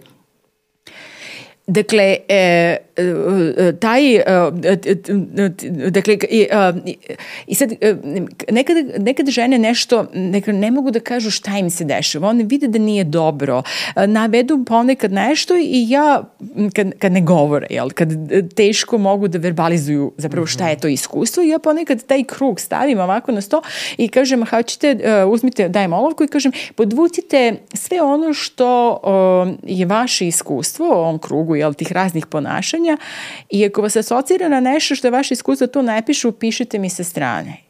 I da vidite kad to krene podvlačenje, ostanete zapanjeni da u svakom tom trougliću što činite krug, mm -hmm. može da se podvuče jase stvari koje zapravo žene kaže pa da i to je moje iskustvo, ali nisam znala. I meni se jednom desilo na seminaru i to često prepričam, znači mi damo te krugove i onda jednog dana dolazi jedna, drugi dan seminara, dolazi ta jedna ovaj, žena učesnica, profi, mislim oni su iz institucije i sedi i vi vidite da se nešto desilo ali ne znate šta, jel, mi smo juče radili danas i ja kažem, jeste dobro, pre početka. A on meni kaže, ja nisam znala da ja živim u nasilju. Znati sad, kao, Stvarno. to se na seminarima često dešava. Dakle, često na seminarima neka od učesnice, što nije naočekivano, kaže to je moje iskustvo. Sad zavisi kakva je grupa, koliko ima poverenja i nekada zato što ljudi doista govore pa kako je mogla da treći put se uda, pa nasilnik i tako dalje. E sad, ova žena kaže, znači ja kad sam videla taj krug, I onda šta tu sve piše? Ja sam došla kući, uobičajeno ja stavljam na sto da se jede, mužu e, ruča, e, sede za fotelju, kreće novine, ja raspremam, perem, deca, škola i tako dalje i on kao ustaje i ja kažem sedi. I stavim ja njemu ovaj krug. krug. I kažem čitaj. Kaže, ja nisam ni znala da ja 20 godina živim u nasilju. E sad, to je jedna dramatična stvar. Dakle, hoću da vam kažem, dakle, da. kako biste rekli da ste žrtva nasilja ako zapravo ono što je svakodnevni da život. Dakle, ta, ta kontrola, ta mikroregulacija, jel, da vi ne dovodite u pitanje neke postavke. I to je onda kao podrazumevajuće. Mm. E sad, naravno, ove dramati, mislim, drastičnije forme se prepoznaju ili kada ono postoji, kada eskalira, kad se diže, jel, a, ovaj, i kada bude um, popunjavano onim što su ozbiljno bezbednostna na ponašanje, to se ovaj, a, prepozna. Ali da li se prijavljuje? E, I te sad, forme? E, sad, to je pitanje onog trenutka kad vi odlučujete da li da prijavljate, to zavisi, dakle, za svaku ženu zavisi uh, kom će trenutku prijaviti i šta će prijaviti. Nekada one zovu kad je besmislenije ili manje opasno nasilje nego ono što su preživele, zato što je to kap koja je prelila, jel? Nekada zovu zbog nečega što ošte nije, policija ne može da razume da je to nasilje. E, često je motiv su deca. Dakle, žene koje imaju decu, malo, mislim maloletnu osobito decu, um, uh, kad se uplaše za decu, kada a, a, shvate da je, kada, kada otac a, pred decom maltretira majku ili tuče, kada nasilje pređe na decu, to bude za neke žene okidač. Mnoge žene će, zažalost, i a, deci govoriti pa čutite, trpite, zato što se ne osjećaju a, sposobne da toj deci pruže život izvan a, te zajednice, jer možda nisu zaposlene, nemaju a, stambeno rešeno, ne mogu, on, osjećaju se da ne mogu da izdržavaju decu do školovanja. Mnoge žene sačekaju da deca budu punoletna, da se deca zaposle, pa da tek onda da izađu, dakle da ne prijave ako ne moraju ili da prijave tek onda, tako da su ti različiti momenti kada one prijavljuju. Jedna od stvari jeste i to šta on očekuje da će uraditi uh, uh, institucije koje se prijavi. Jer ako ona strahuje da će deca njoj možda biti oduzeta, a ona neće prijaviti Centru socijalni rad. Ako ona, strahujuća policija, doći, upozoriti ga i otići, a da je on njoj pretio nečim što je baš opasno, ubistvom, ona će voditi računa kad će da prijavi i dakle merit će koji je to trenutak kad ona stvarno mora da prijavi jer je situacija po njenoj proceni jako ovaj, opasna Jel? Tako da, e, kada će da prijavi, to je potpuno ovaj, individualno. Naravno, ima puno žene koje, kažem, e, e, završe nasilje, izađu iz nasilja i ošte ne prijavljuju čak je i mnogo veći procenat. Možda 80% žena nikada ne prijavi institucijama nasilje. Ako ne mora, ona ih neće prijavljivati. Ali da ne govorimo samo o ženama koje su žrtve nasilja. Koliko je spremnost našeg društva da prijavi nasilje? E, sad to je posebno. da, da, mi, jako nezahvalno pitanje, prosto, ali mene interesuje evo ovako iz, iz svakodnevnog života. Uh, meni se čini da smo vrlo, kako da kažem, Vrlo su velike razlike, čak i u mom neposrednom okruženju vidim da postoji, sad onako ne pričamo toliko profesionalno koliko mislim na ljudskom nivou, vidim taj nedostatak spremnosti da se nasilje prijavi, okreće se, okreću se oči na drugu stranu, prosto pravimo se da ne vidimo i tako dalje. Međutim, moram priznati, evo moram da vam ispričam sad jedno mm -hmm. svoje lično iskustvo. Bio sam kod uh, jedne svoje drugarice, koleginice ovaj, na kafi i preko puta uh, njenog stana u centru Beograda uh, vidim kako se nasilje dešava, uh, muž tuče ženu, ali na najgori mogući način. Znači, vidi se kroz prozor kako on sedi na njoj i udaraju šamare ili ne znam šta radi, Nis, nismo sad mogli toliko dobro da vidimo. Mi istog momenta, prosto nije, samo smo se pogledali i okrenuli smo policiju I policija je zaista došla, pa nije prošlo 20 minuta i sve su se nekako, čini mi se, procedure ispoštovale, oni nisu rekli koje. Znači, prvo su došli do njih, posle su uzeli su podatke od nas, da, ko je prijavio i tako, oni su, kaže, prijava je anonimna, sve je bilo u redu, oni su vrlo brzo došli. I mi sad onako, pošto je to, um, ceo stan mi je u staklima i sve se vidi, sad mi onako iz prikrajka gledamo ovaj, kroz prozor šta se dešava i sad dolazi policija uh, uperava nekako, onako to vrlo dramatično izgleda, znate, uperava u, ovaj, u ženu, uperava onaj, kako se zove, baterijsku lampu, pa u muža, pa valjda nešto ulaze i pričaju, to je trajalo sve ukupno pet minuta i izlaze napolje. I ništa se nije desilo. I pretpostavljam sad iz govora tela i tako i njihove gestikulacije vidim da je to bilo neko negiranje u smislu nije se desilo, lažna je prijava i tako dalje. I to je, moram priznati, moj najveći, kako da kažem, lični poraz bio nisam znao, u tom trenutku sam se ja loše osjećao, nisam znao koga da krivim, da li da krivim tu ženu, što je, kako si mogla da kažeš mhm. uopšte mm -hmm. da nije bilo nasilja, za, sigurno da je rekla da tuko me sada nešto bi se desilo, međutim, uh, onda kad sam krenuo da razmišljam i kada sam uopšte počeo da se bavim tom temom i na profesionalnom nivou, tad sam još bio student, ali kad sam krenuo da se bavim psihijatrijom, čoveče, koliko tu u stvari ima faktora, koliko je ta žena u stvari, da li, je, da li ona ne veruje da i kod nju može da pomogne, da li se ona plaši tog čoveka da će da je ubije, da li, da li ona ne veruje, da li ona uopšte veruje da iko može nju da zaštiti da izađe u susret, da li ona ima decu, da li ona siromašna, da li ona, znači koliko hiljade i hiljade faktora I, ovaj, I onda dolazimo do momenta gde takođe dešava se slična situacija nekom od mojih prijatelja koji zovu mene, pazite, vide nasilje na ulici i kaže imam ja druga psihijatra, sad ću ja njega da zovem da ga pitam šta da radim. Mislim se, šta mene zoveš, zove policiju o istog sekunda, prosto. Ma gde ću sad policiju, pa gde će mene sada da identifikuju, ne znam ja, bolje ja da odem kući i tako dalje. I vidim iz ličnog, onako, najbližeg svog okruženja koliko ljudi nisu spremni da prijave nasilje. Mhm. Mm Ne znam, mislim... Pa sve ste lepo i opisali šta su problemi, jel da? Da, da, da. da. Šta kaže zakon? Svako je dužan da prijavi nasilje, svako saznanje o nasilju i sumnju na nasilje, dakle, ono, neposredno opasno, znači nije se desilo, može da se desi. Mm -hmm. To nam kaže zakon. Ko je svako? svako ste, evo vi, ja, vaš prijatelj što zove vas, mu se da. zove policiju, znači svi građani, jel? A institucije, predstavnici institucije obavezni da prijave nasilje, svako saznanje, znači sumnju prijave policiji ili tužilaštvu, I ne samo to, obavezni su da prepoznaju. Mm -hmm. Čekaj, ako nije rečeno, nije tako očigledno kao vi, vi ste videli da je nasilje i znate da je, mislim, jel, ne, ne, ne, ne, ne bez sumnja to jeste fizičko nasilje.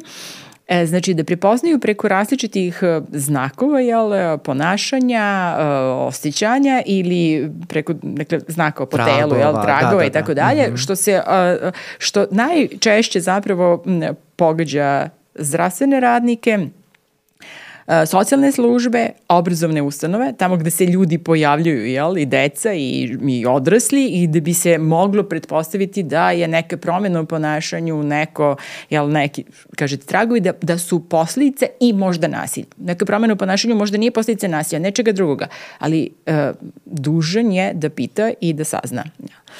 Šta je problem? Jedan problem se sami rekli, to je zapravo ono kad ja pozovem, jel, ja koje nešto vidim ili čujem. Znači, često se to isto čuje, čuje se kroz zidove, jel, vi čujete i mhm. niste sigurni šta, pa onda malo oslušnete kao da li je to nasilje ili je ne znam šta, neki, nešto drugo, jel? Pozovete policiju, prvo je da ispitaju kao ko ste, šta ste i tako dalje i onda se tu ljudi već osjećaju nelegodno jer žive u istom, ako žive zajedno, mislim u istom ulazu ili da sprati iznad ili ispod, e, to su te komšije koje će možda taj e, komšije koji je tuče svoju ženu možda biti nasilan ili Na, prema, prema mojoj vama. ženi mm. ili prema meni ili prema mojoj deci i tako mm. dalje. Znači tu imate neke, da izlazimo iz komfora, jel? Mi sad se mešamo u nečiju stvar, a to nas može posle da košta. Jedno je od komšije, od tog nasilnika. Drugo je od institucije koja sad traži moje podatke, ko sam ja, šta sam ja, tako, tako da. Ne, ljudi, ja samo vidim ili ja samo čujem. Ne, nema veze ko sam ja i šta sam. Tako dakle, meni se to dešavalo. Ja sam isto prijavljivala tako što ljudi prijave nama, pa onda mi zovemo zato što mm -hmm. oni mhm. neće, zato što je to recimo toliko malo mesto da se svi plaše. Mm Dakle, on je grozan i kad se napije još grozniji, oni se svi plaše, ali, na primjer, prijave nama i onda ja zovem i sad, pa se ja ne zovem sad kao neka nepoznati građani. Ja, ja zovem iz organizacije koje se time bavi objašnjeno policajcu, a on neće da primi tu prijavu i kada ja onda kao malo pritisnem, on mi kaže, pa znamo gospođo, mi smo, znate koliko smo imali intervencije u toj porodici, pa mm. pa zašto mi onda to radite? Zašto ne kažete mi imamo toliko intervencija, u pitanju su maloletna deca i mi to ne možemo bez centra socijalni rad, a centar socijalni rad neće to i to, onda ću ja da pritisnem centar socijalni procene. Znači to je jedan, dakle, još jedan, dakle, taj element, dakle, da vas institucije više ovaj, maltretiraju nego što očekujete.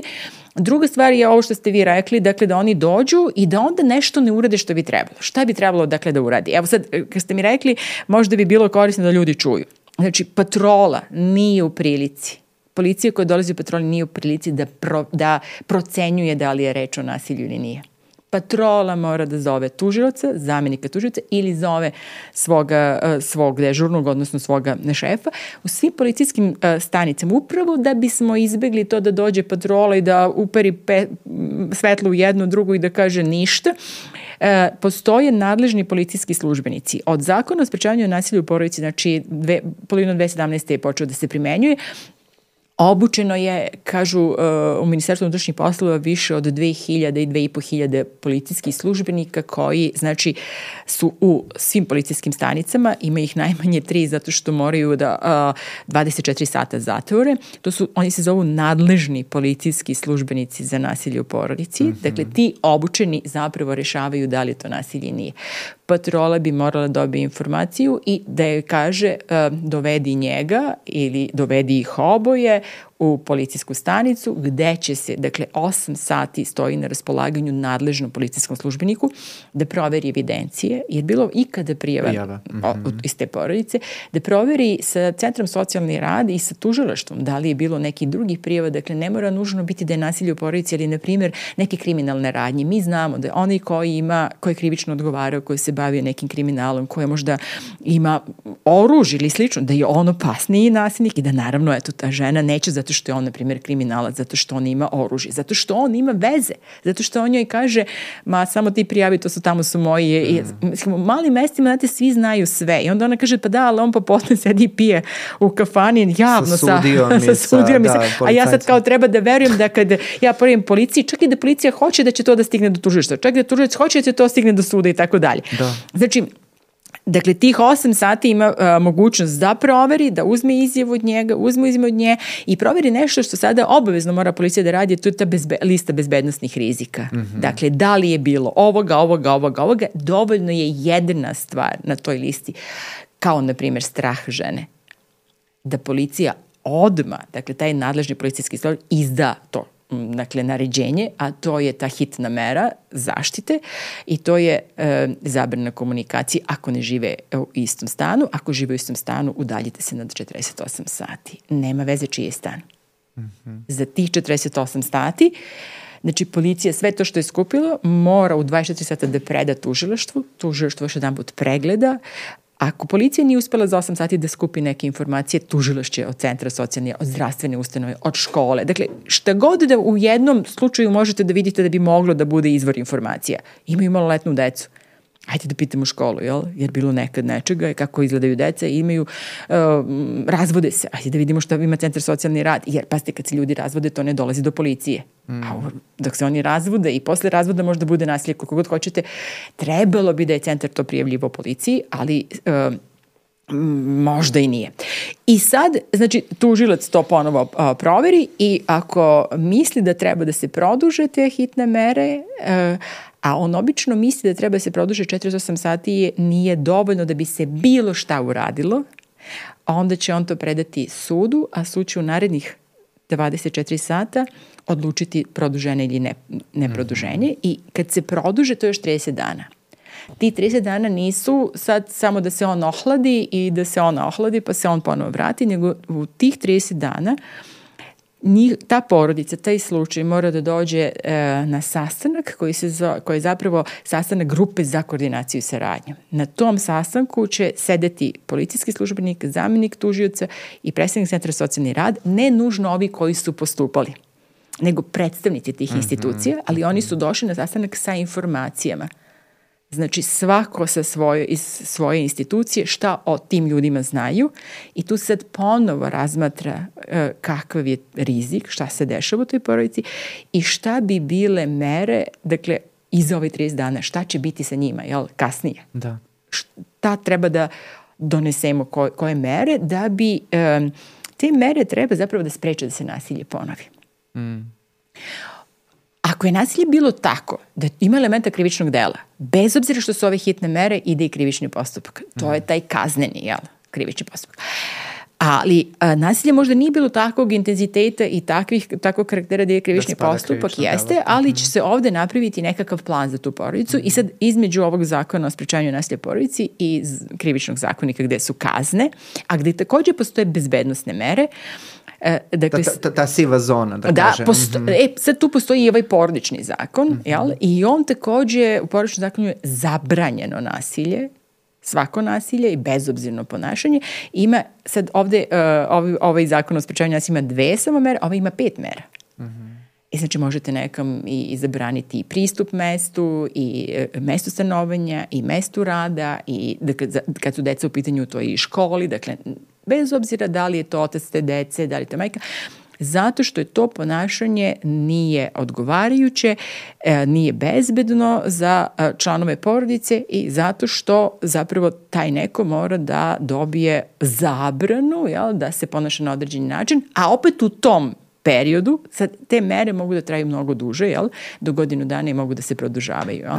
A, a, a moram da kažem, sve ovo što ste mi opisali sada, meni deluje vrlo lepo osmišljeno, kako da Jeste. kažem, znači dupla procena rizika, Jeste. multidisciplinarni pristup, e, dalje preporuke, dalja znači neka delovanja, znači ne samo u 30 dana, nego u tih 30 dana se donosi odluka šta dalje, kako postupati, znači sa ali koliko, kako da vam kažem, nekako ne vidim da se to dešava, znači treba da dođe do tog momenta da se prvo nasilje prepozna, pa da se prijavi, pa da se procesuira na ovaj način na koji ste vi objasnili, koji je nekako čini mi se jako dobro osmišljen, organizovan, ali koliko slučajeva uopšte dođe do toga da se, da se uopšte odredi tih 30 dana da se okupi taj tim i da se u stvari procenjuje.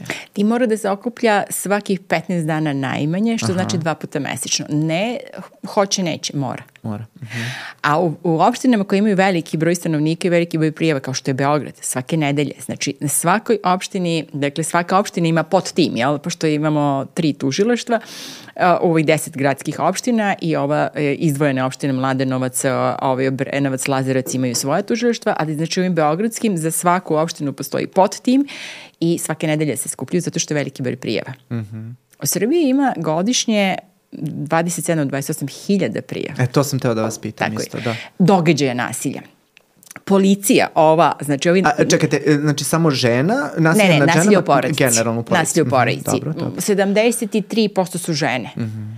Uh, osta, ovo ostalo su muškarci. Uh, češće dečaci i stariji muškarci. Mm -hmm. uh, muškarci su takođe žrtve nasilja u porodici najčešće od muških srodnika. Mm -hmm. To su relici otac, sin, sin, otac, deda, unuk, unuk, deda uh, i drugi tazbinski, jel, mm -hmm. braća drugi tazbinski. Mm -hmm. Žene su najčešće 92% žrtve nasilja muškaraca. Mm -hmm. Partnera više od 60, 65, 67%.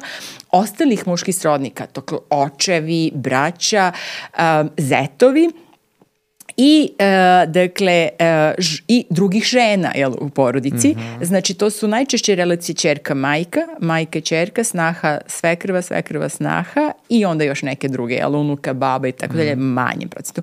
A takođe žene kad su nasilne prema muškim srodnicima, to su deca, dakle dečaci I to su onda neki stariji muškarci, na čerka, otac, jel? ili svekar, snaha svekar i tako dalje. Dakle, starije malo relacije, ali su žene zapravo, kad su, kad su učinjuci nasilja, češće prema drugim ženskim članovima. I naravno deci. A muškarci su i prema ženama i prema muškarcima. Dakle, kada nama statistiku zlopotrebljavaju ovi koji kažu pa i muškarci su žrtve, mi kažemo da, ali od koga? Mm -hmm. Od drugih muških srodnika. Dakle, nasilje kako muška rabota mm. široko rasprostranjena. Da, a, znači, ovo si, znači aha, oni moraju da se susretnu. Dakle, to je zakon, je li tako? O, o, pored toga što oni to procene, dakle, taj propisan u zakonu, dakle, kako izgleda plan. Znači, plan je baš ono kako, jer, pazite, mi smo sve to imali u protokolima, ali niko se nije susretao, niko nije razmenjivao informacije, niko nije pravio planovi, jer nama protokoli ne rade, nama mora da se propiše zakon i prekršena odgovornost ako ne ispunjavate. Dakle, taj zakon ima prekršenu odgovornost za uh, obstruiranje mm. ili nepostupanje prema zakonu. Zato on radi, zato što svako mora individualno da se potpiše. Znači, na zapisnik sa tog sastanka se svi koji su prisutni potpisuju, a plan je šta će biti urađeno, ko to treba da uradi, do kada, kada ćemo ga pregledati. Na tim sastavnicima se, znači, razmadra više od 20.000 novoprijavljenih događaja nasilja i još 20.000 tekućih, znači, onih porodice koje se vraćaju. Dakle, to se dosta, kako kažem, to je veliko opterećenje za te grupe, I naravna stvar da njima nije lako da te složene situacije jel, e, reše e, brzo i efika, efektno, efikasno, ali kada se njima porodica vraća na te sastanke, ono što oni mogu da urade to je da izdvoje porodicu, da kažu poseban sastanak za porodicu -hmm. i mogu da prošire tim stručnjaka, dakle da zovu zdravstvene ustanove, da zovu uh, pedijatra, izabranog lekara, psihijatra ako se neko leči, da zovu škole ako deca, vrtiće, mm. dakle, da bi se e, cela uhvatio, dakle, ceo taj ceo složeni sistem, sistem i napravile intervencije, jer znate kako nasilnik, ako mu zabranite ni jedno mesto, on nađe zaobilazno kako da ostvari da, svoju nameru. Kao procep neki u, u tom sistemu. Tako je, da. preko mm. dece, ako ne može ovde da priđe, on ode u školu, ako, tako dalje, mm. a uvek se nešto, jel, zaboravi da se isplanira, jer e, nekako, e, kad ja mislim o nasilnicima, mislim kao o, jedna moja koleginica kaže, kao da igraju šah, pa imaju tri koraka u napred. Oni su dobri stratezi, oni znaju, jel, brži su uvek nego ovi koji mm. pokušavaju da ispreče. E sad, e, zašto to ne radi? Jedan deo profesionalaca, iako je imenovan da to radi, e, to radi samo zato što mora, dakle ne radi voljno, mislim ne, ne radi to zato što stvarno razume pojavu, zato što to voli, uh, dakle i pravi propuste, jel? To je i među tužiocima i među te, u, ljudima iz centra socijalne radi i među policijskim službenicima. Uh, jedan deo propuste se pravi zato što su to do, veliki broj slučajeva pa se ne, ne prikupe sve informacije mm -hmm. i ne razmotre situacije. Jedan deo je zbog toga što se ne razumeju bezbednostni rizici. Dakle, uh, potekle ostanemo zapanjeni kao na primjer. E, on je toliko opasan da mu ne izreknu ove mere, nego tužilo što predloži pritvor. I on dobije pritvor 30 dana. A nekada u zapisniku stoji nema rizika zato što je u pritvoru. Pa ne, rizik je visok jer da nije visok ne bi bio u pritvoru. On će biti još opasniji kad izađe iz pritvora. Znači, visok je rizik i pravite plan za visoki rizik i to šta može se desiti kad izađe iz pritvora. Da li će on biti opasniji isto kao kad prijavite policiji, Naravno. policija ode, da li će biti opasniji? Jedan deo je, oni kažu visoki rizik, ali ne snađu se koje mere da odrede i to sad vidimo u nekoliko ovih femicida koje su bile, uh, koji su se desile gde je bilo prijavljivano, tako Pirut, evo sad ovaj Novi Sad. Znači, ako vi imate nekoga ko ima arsenal oružja, e, slika se sa tim oružjem, radi u prodavnici oružja, lov, lovac i ribolov, lov i ribolov, I vi e, toj osobi koja maltretira, proganja e, bivšu partnerku odredite samo zabranu e, prilaska. Da li stvarno verujete da će to njega da spreči? Da je možda pretuče, ovaj ubio i posle završao sam ubistvo, ali mogu da, šta bi, šta bi ga sprečilo da je pretuče? Dakle, da li je ta žena bezbedna? Jel, tu je greška, očigledno greška u proceni rizika. Dakle, njega je trebalo staviti u, u pritvor zbog tog uh, konteksta, jel? Pa onda razmotriti šta tu dalje da se uradi, jel? Ili je nju trebalo skloniti. Dakle, druga mm. mogućnost je da vi zapravo sklonite žrtvu ako nema osnova za pritvor, jel? Mm. Može se reći pa da li nikad nije prijavljivan, to što on ima dakle, legalno, dakle što radi u, u prodavnici, toliki ljudi radi u prodavnicama za lovi ribolov, pa znate kao ne, ne znam kako to odlučuju tužioci, ali onda je morala ovoj ženi da se napravi neki bezbednostni plan da ona ode negde, da se ona ode u sigurnu kuću ili već tako. Dakle, oni rade to, znači pokušavaju da na osnovu te tog informacija i procene rizika naprave najbolji plan i nekada to ne rade kako valja ili urade e, intervenciju tu hitnu, a, a zapravo onda im izmiču drugi plan. Mm -hmm. Zato što zapravo e, e, nijedan, taj plan koji treba da bude visoko individualizan zavisi od puno aktera. Mm -hmm. I vi sada možete da uradite, policija uradi sve i tužilac pokrene, ali sudija zakaže jedan zakaže. deo. Mm, Ili mm. vi u, odradite deo prema zakonu o sprečavanju nasilja, ali porodični, potpuno, znate, kada neko ima sve ovo u zakonu o sprečavanju nasilja u porodici, najlogičnije je da će uh, relativno brzo dobiti meru zaštite u parnici, u porodičnom mm. zakonu. Ne, sudija traži još dokaza, preispit, iako su dokazi potiču od policije i od tužilaštva, da direktno od dva druga organa, pa šta može biti bolje za dokazivanje, da, da. za žrtvu, nego, da nego da to. organi već imaju sve materijale, sudija tu nešto mu nije jasno, traži, ovaj izbegava da dođe, to se prolongira i onda jel, se desi nešto ili, tako da, e, pun, na puno mesta može da se desi nekakva mm. greška, ali ja verujem, znate, zna ovaj, ovaj broj, jel, prijavljenog nasilja, da ima i dobri, jel? Um, dakle, da ima, naravno kad nasilje nije visokog uh, intenziteta, mm -hmm. neko, neko kaže, aha, pa vidi, ako sam ja mislio da policija neće reagovati, ako sam ja mislio da ja mene neće ovo zadesiti da me udalji iz moje rođene kuće, aha, pa kad može da mi se desi, taj može da se promeni. Mislim, promeni se, jel? Mm -hmm. Znači, nešto se zaustavi, nešto se ne zaustavi da nestane nasilja, pa sad oni divno srećno žive. Ali se spusti rizik. Jer mi zapravo kod nasilja govorimo o tome da taj rizik nije takav. Žrtve će vam često reći da to bude tako da mogu da živim. A ne da reši sve moja problema. Ne da on postane divan čovek i da se mi volimo i razumemo i nemamo nikakvih problema, mm. nego da prosto nije tako, tako da nema onog nasilja koje je zapravo nju ugrožava bezbednost, čega se ona plaši, gde se deca plaše, gde je nemoguće živeti u toj kući. Mm. Ja? Mm. E, drago mi je da pričate o toj eskalaciji rizika zato što je to nešto sa čim ja mogu da povučem paralelu s obzirom da se uh, bavimo decom, uh, najviše bavimo nasiljem ovaj, nad decom i kada god se dešava, kada god pričamo o nasilju nad decom, uvek se provlači ta tema koja je vrlo osetljiva u našoj kulturi, a to je fizičko kažnjavanje dece, odnosno udaranje deteta po zadnjici i tako dalje. I e, mi stalno brujimo koliko to može da ima negativne posledice. Sad, uvek se hvataju za te, za te nijanse u, u našim ovaj, izlaganjima gde dođe i kaže evo psihijatar je rekao ako ja jednom udarim, povučem e, dete za majicu malo jače i tako da će to da ostavi ne znam ti nija kakve posljedice. Ne, mi pričamo upravo o eskalaciji nasilja. Znači mi pričamo o tom riziku da se to nasilje produbi uh, na vremenskom nivou ili u, u, po intenzitetu, po nekoj od tih pravi. Jer ono što nam govori iskustvo, istraživanje i bilo koji stručnjaci anegdotalno koji, koji prijavljuju da ukoliko je neko udarao dete na bilo kakav način ili se na bilo kakav način nasilno u bilo kom tom delu uh, vaspitno ili u, kako god hoćete da je eskalacija nasilja mnogo češća i da je intervencija službi mnogo češća i da su onda posledice značajno veće. Znači mi pokušamo da preveniramo to kada nam je dostupno, kada nam je lako preventibilno,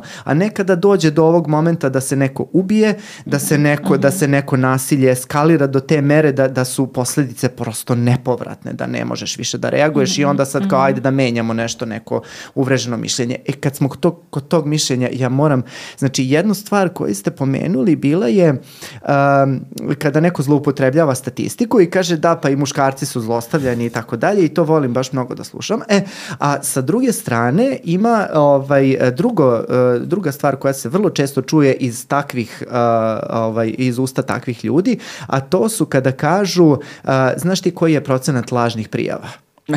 da. ja, jeste. Ja. da. I to čujete od ljudi koji rade u institucijama i to čujete od ne, pravnika koji bi morali da znaju šta je lažna prijava, dakle, dakle šta je razlika između lažne prijave šta, uh, i zablude ili uh, uh, ovaj, kada za neko delo nema dokaza. Jel? Mm -hmm. Znači, prvo, to je isto jedna od tih uverenja koje je široko rasprostranjeno, a izgleda i duboko i ne možemo da ga iskorenimo. Kao što oko nasilja i kad su u pitanju žene i deca i još to ima jako mnogo različitih uh, uverenja jel, koje imaju i profesionalci, jel, koje zapravo rukovode njihovo postupanje nezavisno od znanja ili od zakona ili slično. Tako da mi isto dosta često slušamo to oko lažnog prijavljivanja. Znači, e, lažno prijavljivanje je e, dakle, prijaviti ono što se nije desilo. Mhm. Mm Dakle, ništa se nije desilo. Nije se desilo to što se prijavlja da se desilo sa svešću. Znači, svesni ste da se to nije desilo i da to radite ili da biste naneli štetu onoga koga prijavljujete ili da biste obezbedili neku korist, dobit za sebe. To je lažno prijavljivanje. Morate biti svesni, jel? Nije lažno prijavljivanje ako ja prijavim da je nešto i kažem to je nasilje, jel?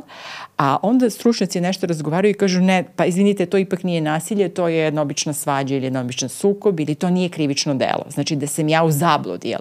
Ako prijavljujete, na primjer, seksualno uznemiravanje, a on kaže ne, izvinite, to ipak nije seksualno uznemiravanje. Ne bi se moglo to što ste rekli da se desilo, da se ne bi se moglo mm -hmm. to nazvati tim imenom, mm -hmm. ni u ovom našem uh, razumevanju, jel? Jer, to sam isto uh, ovaj, naučila da to što mi zovemo zlostavljanje, zanemarivanje, nasilje, psiholozi, psihijatri, socijalni radnici nije isto što i krivična dela, jel? Onda, one imaju jasno popisan, precizirano mm. koje radnje uh, uh, tužilac ili sudija mogu smatrati jel, uh, uh, u pravnom smislu. A moram samo da dodam i nije isto što osoba, prosečna osoba u Srbiji misli da je nasilje, nije. zlostavljanje, zanemarivanje i tako dakle, dalje. Dakle, to su... I znaste kolike su tu gluvi telefoni, mislim jeste, kolike su tu prepreke jeste. u komunikaciji. Samo, I zato je bilo reći, dobro, ajde mi opišite šta se desilo, jel? šta ste vi mislili i kako ste se osjećali. I onda vi iz toga vidite zapravo da je neko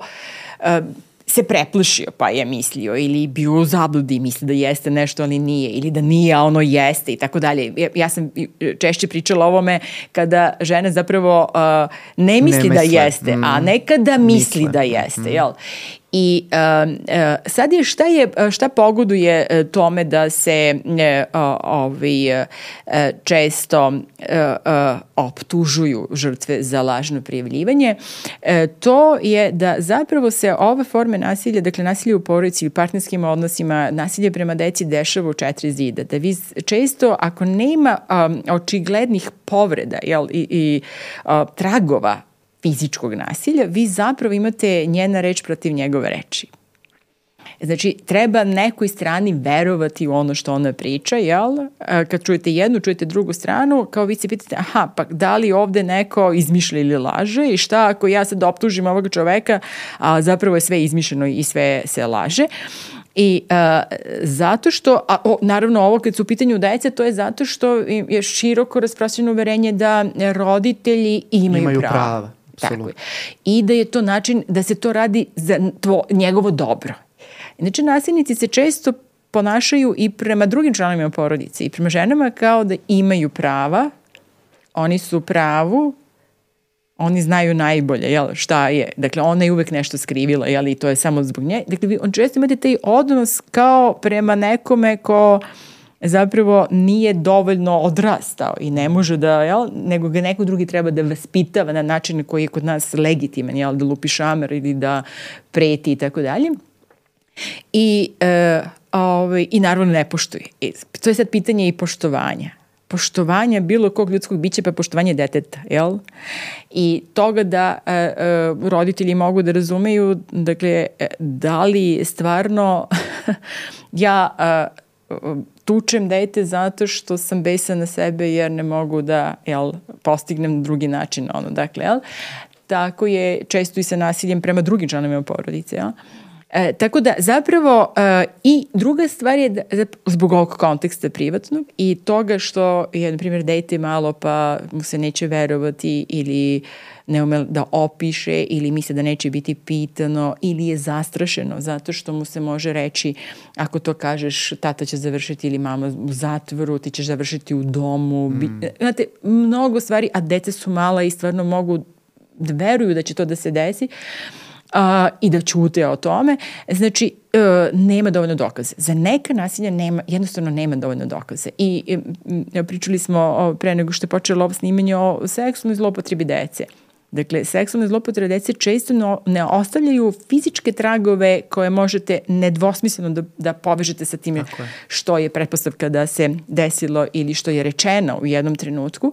A onda kad još to dete koje je prešlo tog uzrasta treba pet puta da ponovi ili šest puta ili sedam puta treba ponovi i u kraćem i u dužem e, e, ovaj, vremenu ili da dođe pred veštake posle šest meseci ili duže, mi se stvarno sad očekamo da dete u 4-5 godina to sve uh, ponavlja uvek na isti način bez toga da bilo šta uh, ovaj, menja ili da ošte hoće da priča o tome mm. posle 6-7 meseci i kad vi zapravo shvatite da nema dovoljno dokaza da bi se nedvosmisleno neko krivično osudio, to što nema dovoljno dokaza ne znači da se delo nije desilo, da se to o čemu je pričao nije desilo, nego samo da nema dovoljno dokaza. I mi istraživanje pokazuje, analize sudske prakse pokazuje da najmanje 60% prijeva seksualne zlopotrebe dece, dakle nešto tog nižeg uzrasta, neće biti dokazano. To ni slučajno ne znači da se nije desilo. Da se nije desilo. Mm -hmm. To ni slučajno ne znači da su deca lažno prijavljivala. Dakle, dece redko, redko, redko, baš redko, ovi, uh, lažu o takvim stvarima i to je onda opet pokazatelj nečega jel, drugoga ozbiljnog, jer mm. zašto bi to radile.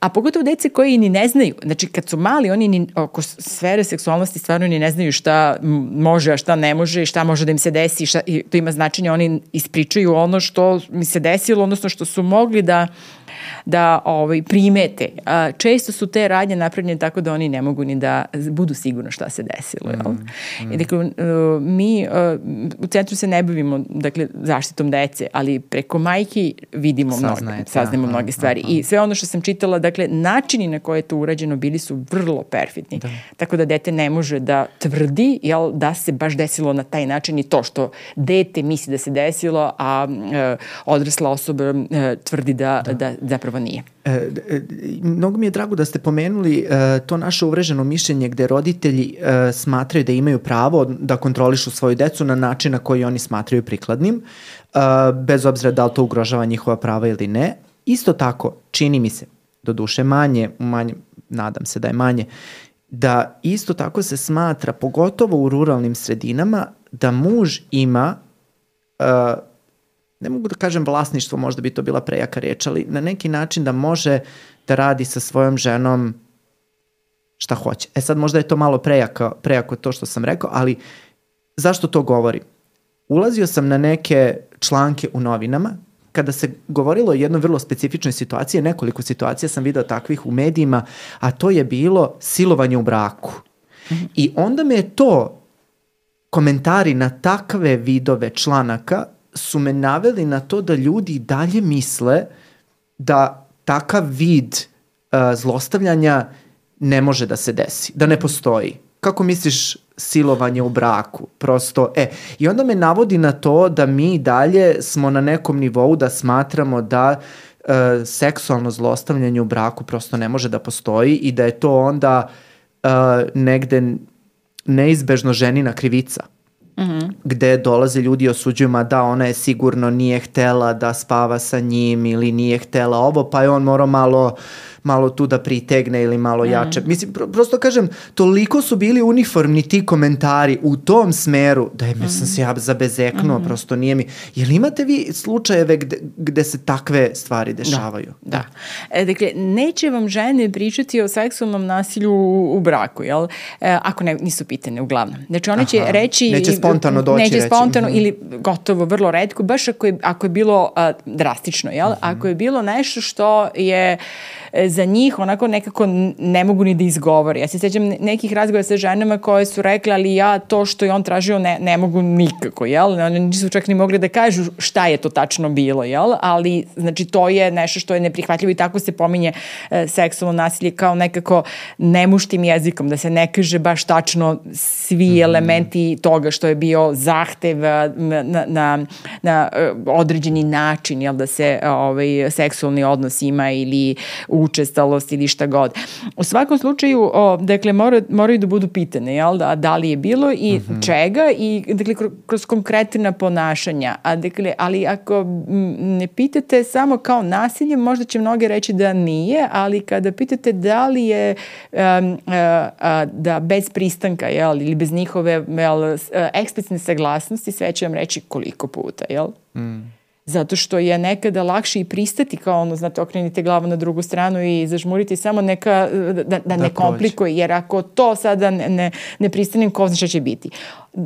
Kad su žene u pitanju isto, za mene isto dramatično, dakle, kada e, često bivaju uh, tučene, jel, pre, skoro prebijene, pa onda iza toga sledi uh, seksualni odnos i zapravo muškarac, uh, partner smatra da je to kao sad, evo, pomirili smo se, jel? Kao nije ništa, uh, ako je ona pristala, a ona više nema snage ni da odbije. Zato što je pre toga premlaćena i mal, ili maltretirana celu noć, jel, ovaj, psihički sa, sa šamaranjem i tako dalje i onda to. Dakle, to pripada sve tom jednom kontekstu koji je podrazumeva, mi, mi bismo rekli da to neko staro vreme, jel? Ali evo vi ste sad rekli koliko, koliko toga ima i u no, najnovije vreme. Znači, kome je zapravo e, muškarac, muškarcu, glavi i porodice, jel? Pripadalo sve, jel? Cela porodica, žena, deca, sva imovina, zemlja njegova, njegove, njegove sve, jel? I on odlučuje, podrazumevalo bi se naravno u tom patriarchalnom pa hjerarhijskom da je ako je on u redu, ako je dobar, sve će biti u redu, jel? Ali ako je on nasilnik, onda ništa više u tom sistemu nije kako valja i on onda sve njih uh, maltretira, ali on ima pravo E sad, kultura je da bi nekako legitimisala to nasilje i ta, tu hijerarhijsku jel, podelu rodnih uloga jel, u porodici, ali i društvenih uopšte hijerarhija, uvek stvarala a, veliki broj mehanizama koje to opravdavaju. I kroz jezik koji ne imenuje i koji ne označava jasno, nego prikriva i kroz uh, to što je, su proizvodi jel, kulture od one narodne, kroz one umotvorine. Vi vidite, kad pogledate koliko ima umotvorina, jel, on, izreka, poslovice koje opravdavaju nasilje i batine, i od raja izašla pa ne znam nija dokle, jel? i kroz o, ovi o, zakone koji ili ne postoje ili su loši ili se ne primenjuju i kroz uh, popularnu kulturu i kroz uh, umetničku jel, i kroz nauku u krajnjoj liniji jel, jer smo kroz celu istoriju imala, imali i ta naučna objašnjenja koja su zapravo opravdavala jel, jednu stranu okrivljavala drugu stranu.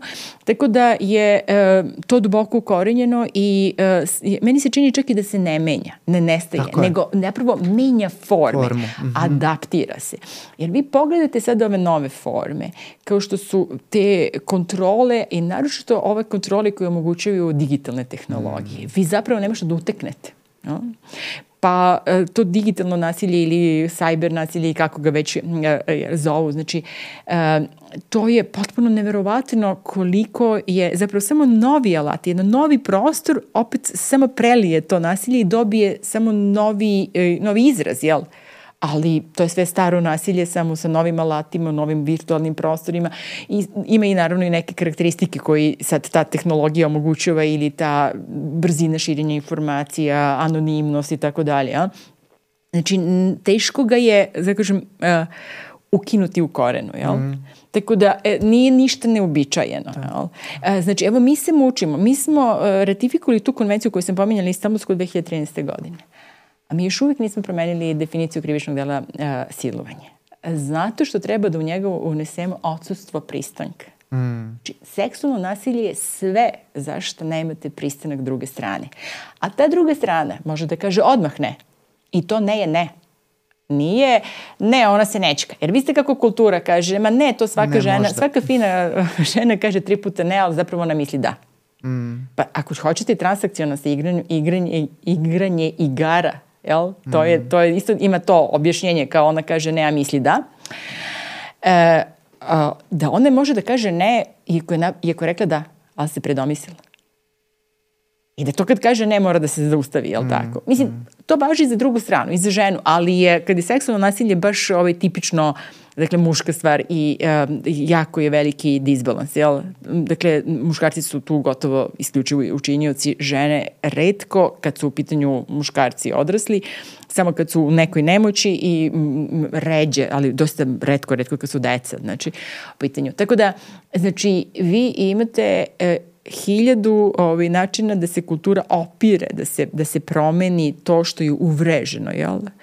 da pripada, a da ne pričamo da kad imate ljubomore, kad imate kontrole, kad e, on ne može da prihvati jel, odbijanje, pa proganjanje i tako dalje, Nema kraja. Svega, da. Nema kraja. E, ja sve vreme razmišljam na koji način da koncipiram uopšte ovo pitanje uh, jer mi se čini da redko oko koje teme je naš narod mnogo ostrašćen. A čini mi se da, evo, pitanje dece, kao što smo videli zbog ovog svega što se desilo, tu su ljudi jako ostrašćeni.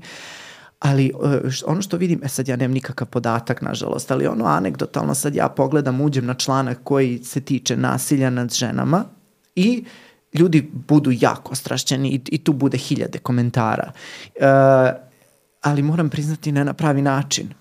Uh, krene jedna uvek kada, kada se govori o nasilju nad ženama, uvek se krene jed, o jed, jedan negativan talas koji dola, dolazi iz toga da se ulazi u razloge, da se ulazi u uh, zašto se to desilo, pa gde je ona bila, pa zašto je devojčica od 15 godina bila na ulici, bila u miniću, zašto, znači nikad se ne targetira uh, osoba koja je počinilac, nego se uvek isključivo fokusira na žrtvu i razloge zašto se to desilo. Uh, I moram priznati, neretko krivi sama žrtva Da li mhm, zbog mhm. prijavljivanja, da li zbog samog zločina koji se desio. Šta je to? Evo sad vas pitam kao psihologa. Šta bi to bilo u osobi da može da kaže da je žrtva u stvari uh, kriva za to što je se desilo? Kako, kako meni, meni to, eto, ljudski mi nije mi blisko. Ne mogu da razumem. Kako mogu da, kad uđem na te komentare i kad vidim da ona je kriva zato što je, pa tri tačke. Meni se jako sviđa onaj grafikon, ja ne znam da li je to pravi autonomni ženski centar, čini mi se da, da, da, da li ste vi ili neka druga organizacija, pa kao ima ona pita sad razlozi, zbog, ovaj, razlozi za zlostavljanje i nasilje nad ženama i ovaj, sad ima ono kratka suknja, izlasci, uh, ne znam, alkohol, tralala i uh, počinilac. I ona ispunjena cela pita uh, šta je to u osobi koja može da kaže, e, ajde da vidimo šta je ta osoba uradila, zbog čega je ona prizvala to na sebe. Mm -hmm. A, znači, ako je učinilac, jasan je interes, jel? Znači, ako ja prebacim odgovornost na drugu stranu, šta god da je, vi to najbolje razumete kad su deca u da, pitanju, da, jel tako? Ja onda više nisam odgovorna za to. Jel? Dakle, ova druga strana je nešto uradila ili nije uradila, nešto rekla ili nije rekla, ili se ponašala tako, ili nosila tu mini cuknju, ili išla noću i tako dalje. I to se desilo. Što se tiče mini suknje i toga, dakle, zanimljivo je to, dakle, da smo mi godinama odrastali, tako su nam i u porodicima vaspitavali da treba da ne nosimo mini suknje, da ne treba da idemo noću, bar je moja generacija, ni slučajno kroz park, ni slučajno noću i tako dalje, a zapravo rizik da budemo napadnute i silovane je mnogo veći bio od ljudi koje poznajemo, koje nam ulaze u kuće, u kući. i sa kojima tako živimo, je, jel? I tako koje, je. e, tako. Znači, preko 85% silovatelja ili zlostavljača seksualnih su ljudi koje deca ili žene poznaju, jel, koji, s kojima, Tako. to su ljudi bliski, da ne kažem, e, dele emocije A isto, i poverenje. Izvinjam se, ali isto i kada pričamo o deci, uvek kažemo deci ne pričajte sa strancima, beži od osobe Absolutno. koja ti nudi bombonu na ulici tako i tako je. dalje. Koliko se to u stvari dešava? Znači 90% tako. nasilja se dešava Niko u porodici. Niko ne kaže to je čika koju u vrtiću radi kao asistent. Tako je. Tako je. Zašto biste, mislim kako biste, jer, jer e sad, e, kad niste nasilnik, znači kad smo obični građani, Ja, jedna od teorije koje objašnjava jeste da zapravo mi imamo potrebu da verujemo da je svet bezbedan i pravičan. Mm -hmm. I da ako ja sve radim kako valja, meni se neće desiti nešto tako strašno kao što je nasilje. Znači, ja, dakle, moram da verujem da sam, da evo, jako se skroz ispravno ponašam i fino ponašam i fino izgledam i sve ispunjavam, dakle, da mene će to da zaobiđe, jel, ako ispunjavam te uslove. I onda, ako ja tako verujem, onda je vrlo verovatno da ona koja se to desi, ona zapravo nešto, nešto ne radi, radi kako valja. Je, znači, je. nemoguće je, dakle, najviše će vam ljudi reći, pa nemoguće, jer on lud, jer on bolestan ili on je alkoholičar, što je lakše prihvatiti, jel? Ako je alkoholičar, e onda kad se napije, on ne zna šta radi, jel? Znači, zato što mi tražimo razlog da neko opravdanje. uradi, opravdanje, da neko uradi to. Kako je moguće da vam to uradi neko koga ste voleli, koga ste se zaljubili, pa ste voleli, pa ste gradili porodicu, pa živite zajedno, kako je moguće da to uradi neki drugi član porodici, dakle, gde su, gde, kako je moguće to što rade ljudi od kojih očekujete i brigu, i pažnju, i podršku, i sigurnost, i nežnost, dakle, kad e, pričamo o porodici, mi pričamo kao ono gnezdo, ne znam, nija toplo i tako dalje, tu je podrška, tu nas svi vole, tu je ljubav i tako dalje, mi ne pričamo kako je to najopasnije mesto, jel? Naravno da su feministkinje najgore žene na svetu zato što su 67 godine rekli dom je najopasnije mesto za žene. Mm, mm. Naravno da su rekli lično je političko, dakle, da onda, ni, onda, dakle, niko ne voli zato što su zapravo ono gde je bilo zatvoreno za institucije rekle ne, tu je mesto gde žena najviše zapravo trpi i to mora da A se To je otvori. razlog zašto feministkinje bodu u oči. Ja, ja stalno dakle, nekako da, imam, imam mnogo prijateljica. Na, nazvale su, su uh, prave stvari pravim imenom. Da. Uh, u, u, Te naše raz, zlatne porodične vrednosti su porušene. Razbile su naše iluzije. Da o bezbednom mestu, sigurnom mestu, romantičnoj ljubavi. Dakle, svega toga ima. Dakle, ja stvarno nisam neko ko misli da Naravno. ne postoje porodice kojima se ljudi brine. I, I kad mi kažemo, dakle, šta je uzrok, pa mi kažemo zloupotreba moći. Meni često na seminima, ne baš često, ali nekad pitaju, pa dobro, gospođe, šta vi imate protiv moći? Ja kažem, nemam ništa. Moć je korisna stvar. Moć može da se upotrebi za brigu, za pažnju, za razvoj. Tako, za... Ako se usmeri pravilno. Ako se usmeri. Dakle, mm. i treba, deca imaju potrebu da su im roditelji moćni. Deca su preplašene, izgubljena ako su roditelji preplašeni i bespomoćni. Jel? Pogotovo što su, što su manja, jel? Znači, naravno stvar da je moć dobra, jer treba da pomogne, razvije, podrži, uh, podstakne jel, dete, partnerka partnera, da ostvari najbolje svoje potencijale, da uspe, da se uh, profesionalno uspe, da nekoj karijeri, u političkoj i tako šta god, ali on nju da pomogne. Ali zloupotreba moći je, je naravno problem. Znači, mi pokušavamo dakle, da nekako sebe sačuvamo od tog užasa da nama može da se desi, jel? Tako što verujemo da ako e, ipak ne može da mi se desi, ako sve ispravno radim, mora biti da je ona ili mora biti da, nje, da je on bolestan. Jel? Mm. Znači, to vam je zapravo koliko ljudi često misle to neki bolesnik, jel? S čime zapravo stigmatizuju psihijatrijske bolesnike. Da, da, da, da. Jer psihijatrijski bolesnici nisu ni agresivni, ni nasilni. Tako je, tako je. A onda kad i pitate, dobro, sad čekajte, a vi stvarno mislite da ne zna šta radi? Ne može to da radi kao svestan čovek, jel? A kako onda to selektivno radi? Kako mu je uvijek ista meta? Znači, kad je neko neuračunljiv, bolestan, on će biti agresivan kad god, jel, ni na ulici, i da. prema vama, i prema meni, i, da, a ovo ide na posao, ima dobre socijalne relacije, uspešan je, funkcionalan u svakom funkcionalan u svakom pogledu, komšije, sa svima ljubazan, svim komšinicama nosi ceger do uh, lifta, a kod kuće zato što zna da tu može i zato što zna da, dakle, i to još opasnije mi krije, što je bolji, to je onda teže poverovati. Mm. To žarka žene pričaju. Znate li, niko ne bi rekao. On ima veliki krug ljudi koje poznaje, on, ne znam, veliko društvo, on je ugledan i slično. Znači, to je ta e, naša potreba da mi imamo razlog. Nemoguće, jer ako nema tog razloga, onda smo mi svi nebezbedni. Ako verujemo da ga ima jako mnogo, koliko ga očigledno ima, različite vrste nasilja. Znači, ne, ne pojmljivo me koliko ima seksualnog nasilja. Sad, kada gledate, na primjer, te telegram ili ne telegram grupe u kojima 36.000 muškarac i nešto žena razmenjuje Ove, revenge porn grupe. E, tako je, mm -hmm. grupe.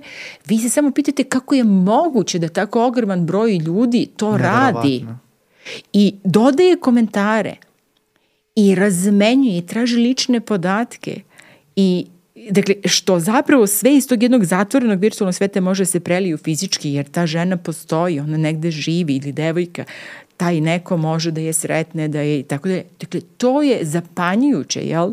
Dakle, da, da mi ne možemo da poverimo koliko ljudi to radi, a to su ljudi koje mi poznajemo, s kojima se mi možda družimo.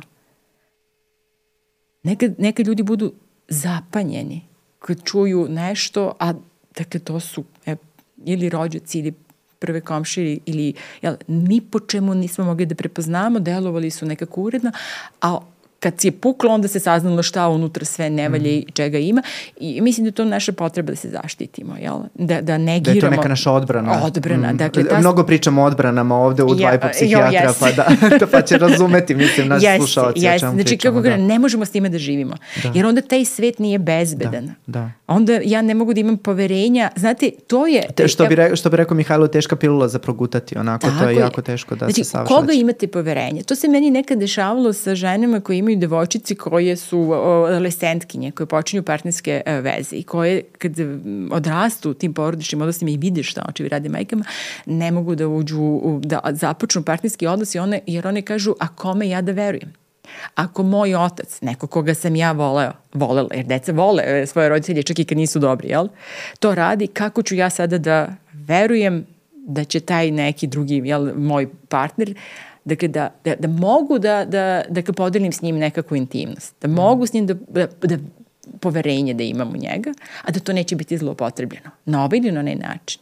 Mm. Tako da to su dosta ozbiljne stvari i mi da bismo mogli da preživimo moramo da verujemo da je svet i pošten i pravedan i da se to onda dešava samo tamo nekima koji stvarno nešto ne rade kako valja. Da, i onda dođemo mi i onda ukazujemo na to da u stvari postoji problem i ukazujemo na to kolike su stvari rasprostranjenosti ovog problema i tako dalje. I onda moram, nekako mi se prirodno nameće to pitanje, vi ste žena koja priča o vrlo osetljivim temama za naše društvo, koja nekako u nekom smislu i ruši te vrednosti o kojima smo, o kojima smo pričali. Ukazujete na probleme, stalno pričate o tome.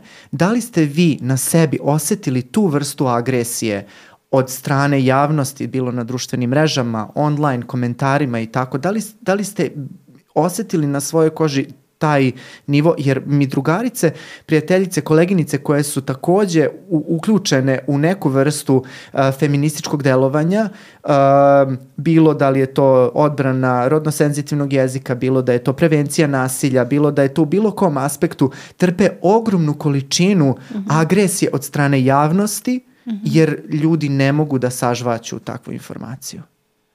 Pa sad ja moram da kažem da ja ne, nisam na društvenim mrežama i ne, nemam pojma šta, sam, šta se o meni piše. Jel? da, da, ja sam uh, nedavno, uh, prošle zime bila na nekom, uh, nekoj uh, obuci i tako smo sedeli i razgovarale i pošto ja ne znam šta se meni piše, ja sam to, to rekla da, pred tim uh, učesnicama toga seminara. Jedna, jedna mi od tih žena rekla, piše se, piše, sad ću ti nađem.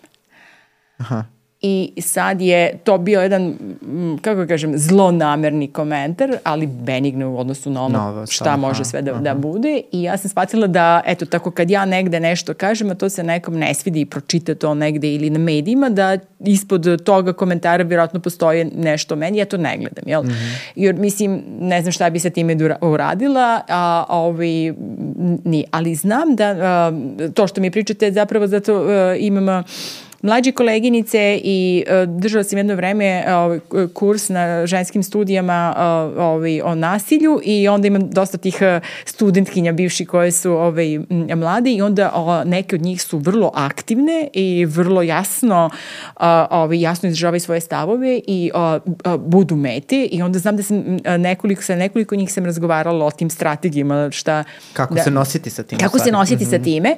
Uh, Ovako, da, ne da. gledati. E, a, jeste, a s druge strane, e, vi zapravo, e, e sad, mi smo i ta kultura koja postiče takav jedan uh, netoleranciju uh, do primitivizma, jel, kad god se meni nešto ne sviđa, a ja zapravo neću argumentovati, nego ću uh, na najodvratniji način uh, dovoditi u pitanje ili ličnost ili mm, tako, praviti mm, te komentare, mm. znate, koje treba da uvrede valjda nekoga. I sad, mislim, to je sad pitanje, naravno, svaka od nas mora da izgradi taj um, odnos prema, jel, E, moje mišljenje o meni ne zavisi od toga da li će mene neko nazvati kako god, jel?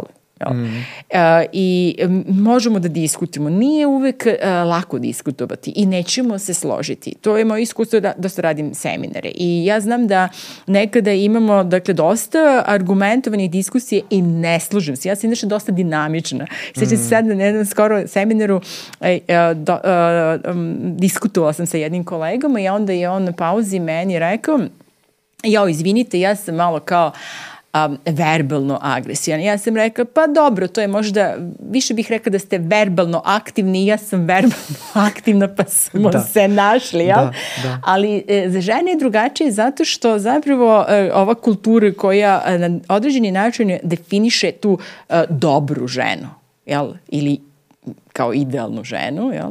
a ove sve druge što odstupaju, one su uh, zle, ona podrazumeva i da su žene dosta pasivne mm. jel? i submisivne. I onda kad ste vi asertivni, to se u ovoj kulturi već vidi kao agresivno. Mm. Znači vi samo kad izrazite svoje mišljenje, vi ste već agresivna žena. Mm -hmm, jel? Mm -hmm. I, i, a, da, da ne, ne kažem nešto drugo. A da, da ne pričam da, sa ovom dinamikom s kojom tako ja je, pričam i sa rukama i tako, tako dalje, je. gestikulacijom. Ja sam verovatno za mnoge o, agresivna, ali uh, kako, kako da vam kažem... Uh, E, zato, e sad ajde da vratimo na prevenciju. Zato bi za nas bilo lekovito.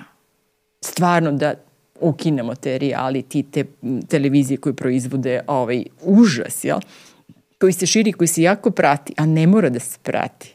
Evo sad ovih dana to slušam kao koliko ima, ne znam, 2 miliona ljudi koji prate reality, i, a ne moraju to da rade. Znači, možemo da se mi pitamo u kom smo trenutku ili smo polako, znate kao ono žaba kad se kuva, dakle skuvali u neku jednu nepristojnost, a da nismo ni primetili. Da nismo ni skontali. Mm -hmm. Jer to su sve ljudi koji, to su svi generacije, to nisu samo ni mladi, ni deca, ni, ima tu dosta starijih, čak i od mene generacija, koje više ne primećuju da je to nepristojno, da je taj način komunikacije, da je gledanje toga takođe nepristojno i kad bismo mi zapravo nekako, ja to sad stalno razmišljam, mogli da m, promenimo te odnose od, od, od, uh, najmlađih. Dakle, da decu učimo. E sad, vi, vi možete da procenite koliko je to moguće sa roditeljima mm. koji često znaju da, možda i znaju da nešto nije dobro. Ili će vam reći, pa dobro, ajde, nije u redu decu, decu fizički kažnjavati. I ja kad ga udarim, ja ga ne prebijam. Ja ga samo malo, jel, i na mesta gde smem da ga uradim. Ali šta drugo da uradim? Mm. Znači, roditelji bi mi trebala podrška, a te podrške nema, jer bi ona morala bude široko dostupna a i kvalitet života roditelj bi morao da bude takav da on može da odgovori zahtevu, mm. a ne da je na ivici nervnog sloma i izdržljivosti, a da mora još da bude da promišlja kako da dete jel, modeluje i vaspitava. Decu bi trebalo jel, od malih nogu, ali oni će u vrtiću već početi uh, da e, i gledaju to što ne treba da gledaju i slušaju to što ne treba da slušaju zato što su neke vaspitačice zauzete e, kuckanjem poruke. Ali samo gledajte taj narativ, e, šta se pomisli prvo kada dobijete informaciju da je neki dečak gurnu neku devojčicu u školi? Prva, prva stvar koju roditelji kažu, ma da, sviđa ti se. Sviđa da, da, da, da, ko se tuče, taj ko se voli. Tako je. Yes, da, da, yes. Ja prosto ne mogu, mislim, kako, kako promeniti tako ono, jedno, da kažem, nešto što nam i prirodno nekako izleće iz usta. Da, da, da. da, da. Ma, sviđamo se, 100%. Prosto ne, ne da. reagujemo na pa, te stvari. Pa, znate kako, ja, ja samo razmišljam kao, ona, kad bi bili deci, bi se kao, ajde, ajde dobro vidimo, šta bi mogo drugačije da uradi? Da. Kako bi još mogu da pokažeš da se sviđa? Pa sad da deca. Gledala sam jedan, ja jako volim dokumentarne uh, filmove, ja sam jedan uh, film, mislim da je holandski, ali ne pamtim ni kako se film zove, niti koga je zanimio.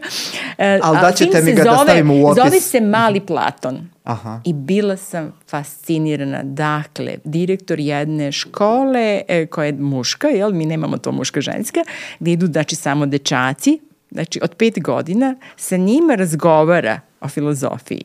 Sad pa ne, naravno da ne sedi da im predaje, nego oni tako sede u polukrug i on im postavlja pitanja, a oni daju spontane odgovore, oni misle, rešavaju sad ova situacija i onda taj jedan mali koji ima problem i onda direktor s njim razgovara, oni crtaju po tabli, a onda ako ovo, ako ono, a šta bi mogla biti posledica ovoga, šta li, i vidite zapravo da deca, ja sam bila mislila sam, Bože, da, da li su to deca pametnije od naše dece? Ne, samo se sa njima razgovara i oni umeju da misle, traže rešenja i tako bismo mi mogli sve da učimo. Dobro, a kako bi to moglo na drugi način? Da. Kako bi ljubav mogla na drugi način? A da, ali a da zapravo bi... i mi ponudimo neko rešenje. Da ponudimo. Prosto nije samo ni stvar u kritici, nije ne, samo ni stvar ne. u osudi. Tako Nekako je. trebalo bi ponuditi tako rešenje. Je. Šta da. bi moglo da se uradi umesto toga? Tako je. Tako je. Zapravo, kako bismo mogli da maknemo ta destruktivna koji su nam prvi impuls, evo sad puno slušamo, kažu, pa to nam je kao agresija je prva reakcija, mm. jel? jer ona je isto odbrambena, jel? to je mehanizam preživljavanja, jel?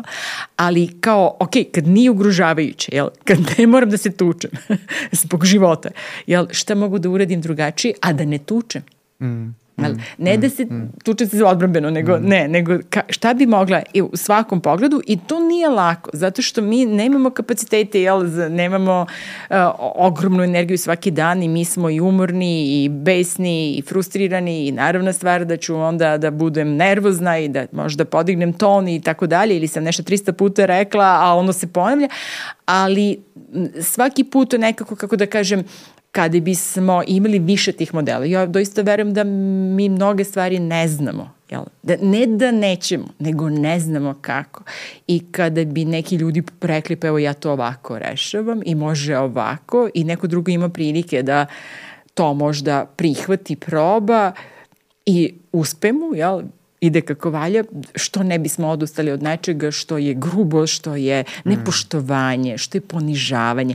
Jer zapravo to ponižavanje, malvažavanje, jel, to degradiranje drugog ljudskog bića je najgora stvar. Jel, mislim, razne ljudi različite stvari doživaju kao nasilje. Neko će reći šamar je nasilje, neko će reći ma ništa, to. bolje mi, nek mi udari šamar, samo nek, ne, ne, nek prestane.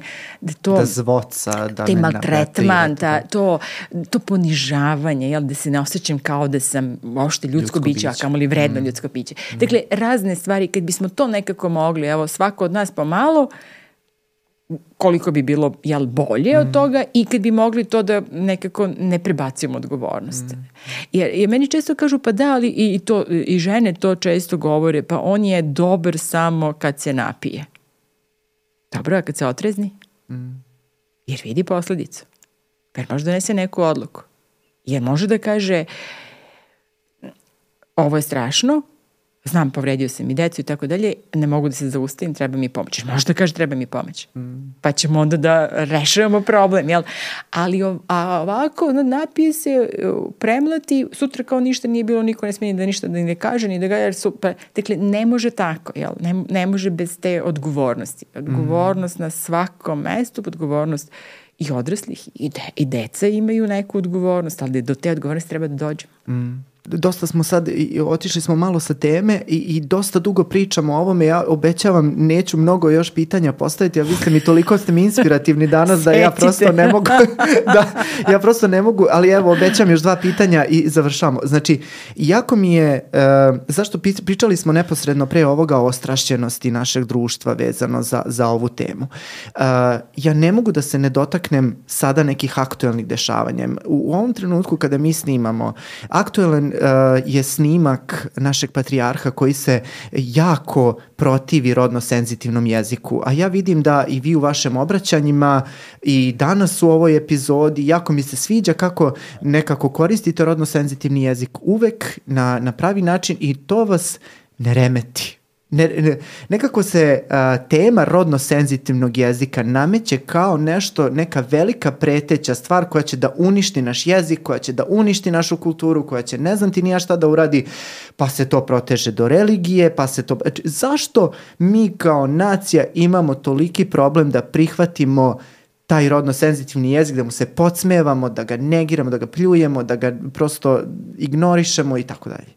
Ja moram da, meni se čini kao da je, taj, da je to zapravo simbol svakoga zla. Dakle, nekako smo izabrali da to bude mesto svih Tako tih... je, tu smo smestili sve, sve nekako, da, sve. da, da, da. A to je zapravo najmanje bitno. Evo, svega što smo mi danas pričali, toliko puno sistemskih stvari nedostaje, toliko bi puno bilo mesta da se radi, da se zasu, zasuču rukavi i da se ono udarnički, kao one radne akcije posle drugog rata. E, tako, dakle, da mobilišete sav narod da nešto popravlja koliko ne valja, a mi smo zapili oko jezik. I ja vrlo ne bi imala ništa protiv da neko kaže Uh, ja mislim da to, meni se to ne dopada, ja se s time ne slažem i ja to neću da upotrebljam u svom mm -hmm. Znači, i, dakle, da naš patrijarh, dakle, sve nazove muškarci ili već ne znam kako bi nazvao ove žene, da vi zapravo niste u tom snimku videli prvo jedna stvar koja nije smela da se desi, dakle, taj jedno to, dakle, o bilo kom ljudskom biću da se obratite jadnice, bednice s te pozicije. Dakle, gde je tu hrišćanstvo? Gde je tu taj hrišćanski odnos prema svakom ljudskom biću, uključujući i ono koje je mm. najgorih osobina i najviše zgrešio? Jer, jer, jer to hrišćanstvo uvijek kao ima taj, jel, kao svako, jel, pa može da se promeni. Samo ako mi podržimo tu promenu.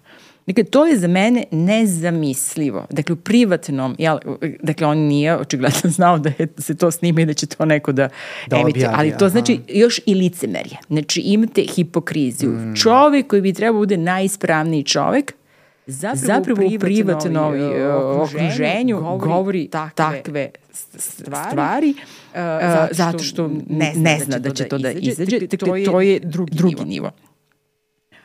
Treći, Treći nivo je zapravo to što je, je, je, to, je, potpuni paradoks jer mi imamo jezik koji je rodno osetljiv. Znači, naš Tako jezik je. ima muški, ženski i srednji rod. Dakle, mi ne radimo ništa, znate, to bi bilo neobično da mi u jeziku koji nema insistiramo da se uspostavi nešto što nema, pa i to bi moglo da kažem, ajde kao, jer jezik je živ, on se menja. Mm. Pročitajte bilo šta. Ja sam um, pre nekoliko godina čitala uh, Jovu Jovanovića Zmaja, ona iz one, one pesmarice za decu i bila sam uh, uh, detetu koje ima pet godina i bila sam šokirana koliko tu ima reči koje to dete ne razume.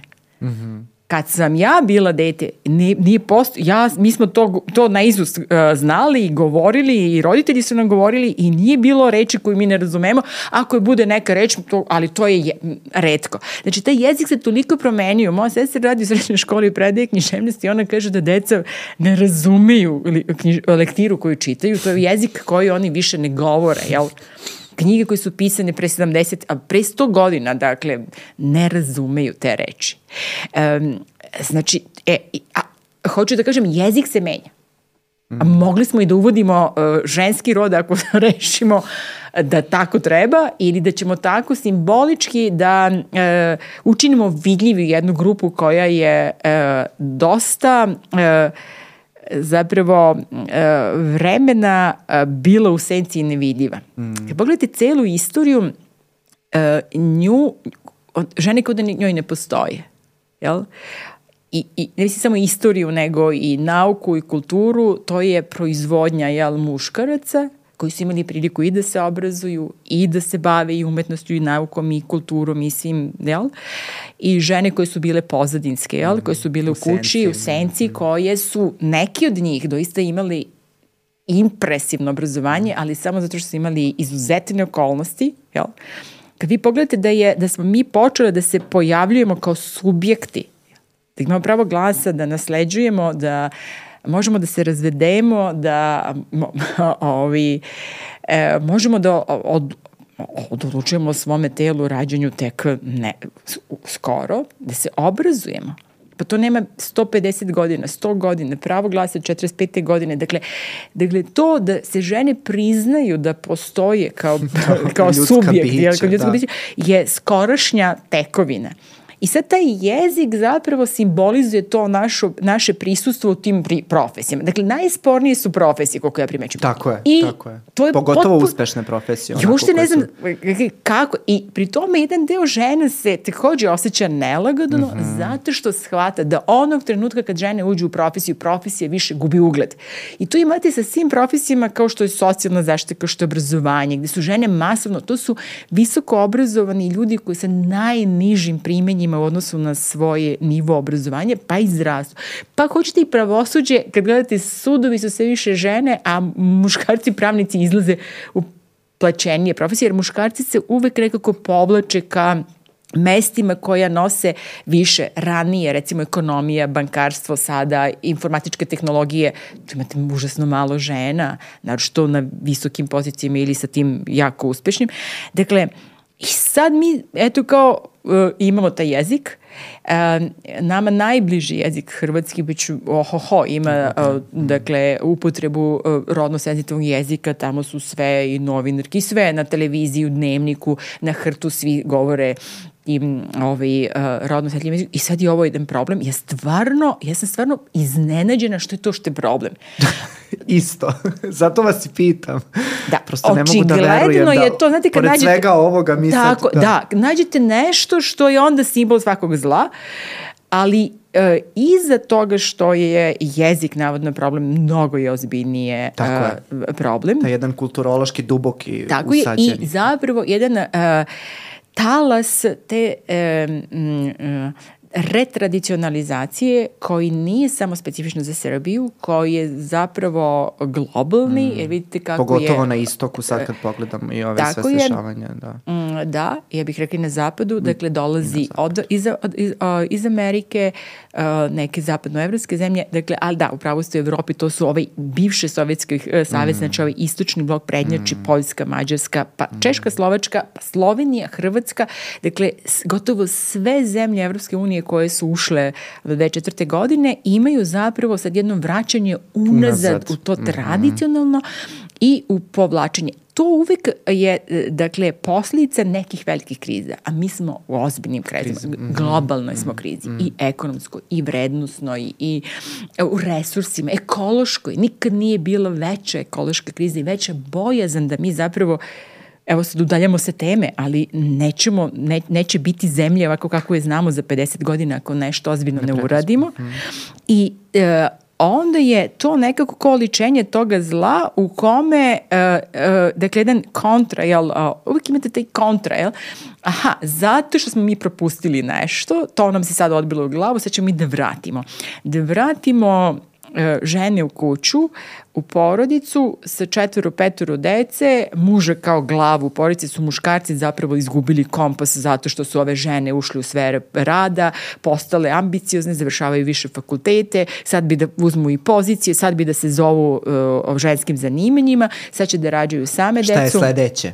Da, mm -hmm. rađaju same dece, ne trebaju im ni muškarci, sad će da ove porodice, pa će biti trans i ne znam nija šta. I to je jedno ludilo od straha da će, ne znam nija, da se uh, napravi ne znam šta, a zapravo... A krećemo od jezika. A, da, a jezik od... je simbol te promene. Tako. Dakle, je, jezik zapravo taj insistiranje, jer on mora da postane, uh, mora da uđe zapravo u učbenike, u zvaničnu Postane upotrebu, u administrativnu mm -hmm. uh, maja meseca sledeće godine.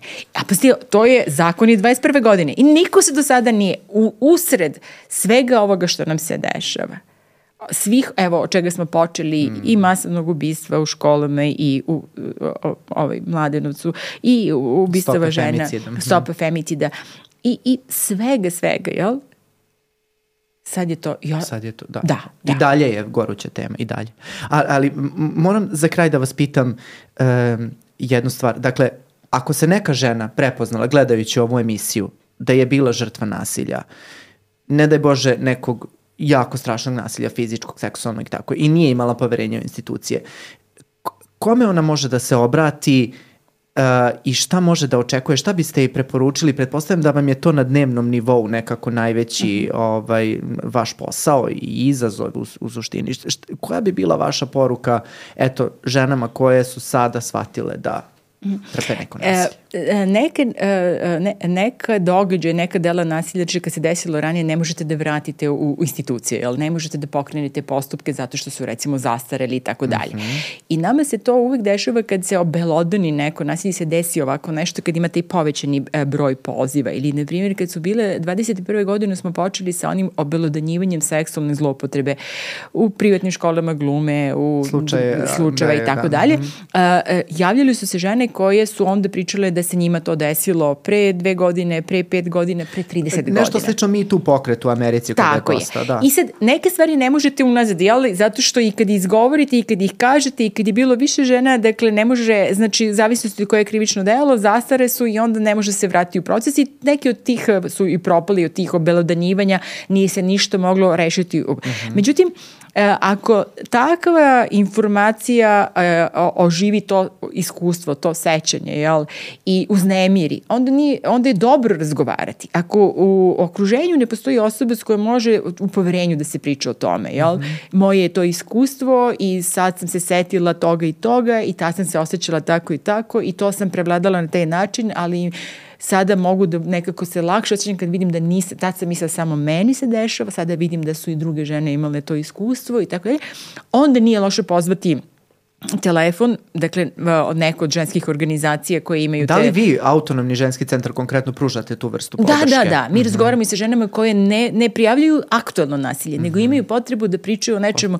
Znači, to se nameće kao nekako oživljeno jel, traumatsko iskustvo i kad se neko iskustvo namiče da se razgovara i da se nekako ta priča složi, jel, da vidimo šta su potrebe, koliko treba o tome razgovarati, šta, mhm. da li treba nekad možda usmeriti na neku jeste, drugu mm. o, intervenciju. Mi ono što ne radimo, ne radimo, ali kao ima neki drugi telefon. Nekad su posledice recimo depresivne ili nekog drugog, pa mi kažemo aha, pa imate i ovde telefone, ovi besplatne takođe, gde možete da razgovarate ili suicidalne ideje, pa evo ovi su se bave time, pa pozovite njih ili u instituciju. Znači, nekad mm -hmm. žene ne bi da idu u institucije, institucija podrazumava da se daju lični podaci i vi ulazite. Evidencija. Žene mm se jako plaše, nažalost, i opet zbog te stigme toga da se obrati uh, uh, zvaničnim, zvaničnim mm. zapravo i psihijatrima, oni se plaše kad im napišete bilo koji F da će ih to koštati, recimo ako se razvode, poveravaju u decu, da će se time pretiti, jel, da će to izaći pa će se drugi saznati. Znači, meni se puno puta dešavalo kad dođe i kad kažu da li piše, ja kažem šta piše? Pa kaže piše akutna. Pa šta znači akutna? Ajde da vidimo šta je akutna. Pa piše reaktivna. Pa šta znači reaktivna? Pa niste ludi, u smislu duševna bolest, pa nepopravljivo je. Svako bi u vašoj situaciji imao reakciju Prirodnu takvu. reakciju. To je, Mm, to je, nije dijagnoza koja će bilo na šta da utiče, ali ona ima, ma, majka je pa se plaši i tako dalje. Znači, uvek mogu da razgovaraju to što su ti razgovori, one ne moraju da kažu ni ime, ni prezime, ništa, ni s kog su grada. Dakle, mi, mi ponekad pitamo te stvari, e, zato, ne ime i prezime, nego drugi, ovaj, kao ko, ko, koji je godi, koliko ima godine žena, šta radi i tako dalje, da bi mogli da razumemo kontekst, Kontekst, jel? mhm, mhm. E, ponekad, uh, kada razgovaramo, dakle, uvek naše konsultantke pitaju jeste saglasni da mi ovo pri, e, pribeležimo, zato što uh, nekada kad je aktualno nasilje žene će reći uh, i u nekom sudskom po, po, uh, postupku, pa jeste li nekome pričali, oni će reći pa jesam autorno ženskom, tražit će potvrdu da su se nam se javljale mm. i ako one nisu ništa od podataka rekli, mi onda ne možemo tu potvrdu da izdamo, izdate. tako da uh, one same odlučuju da će reći ime i prezime uh, ili mogu da izmisle koje god hoće ime i da ne kažu ime i to nije loše. Znači, ni, ako mogu da razgovaraju i da dobiju podršku, mi doista onako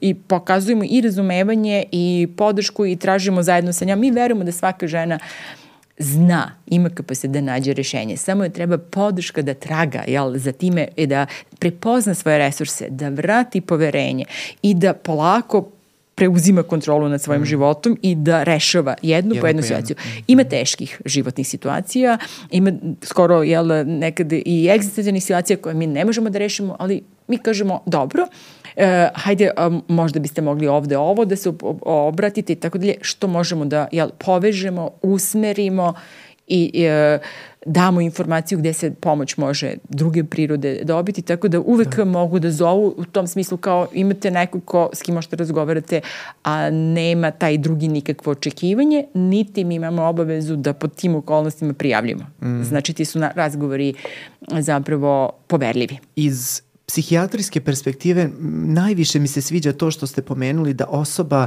koja je žrtva nasilja može da odlučuje da li će ostaviti ime, što, koliko će podataka da podeli i tako dalje. Jer nekako iz mog iskustva i, i iskustva mojih kolega rada sa žrtvama, gubitak kontrole je nešto što karakteriše svaku Tako žrtvu nasilja. Tako je. I vraćanje te kontrole, pa i na ovakve male Tako je. načine, da ona odluči da li će da se predstavi, da ona Tako odluči je. u kom trenutku će da reaguje, Jeste. je velika stvar. Jeste. I jako mi se sviđa što ste to tako na taj način E, to stalno govorim institucijama. Nije žena se vama obratila da bi jednog nasilnika zamenila kontrolorom paka, makar to bio autoritet Da. uh, n- nauke ili struke.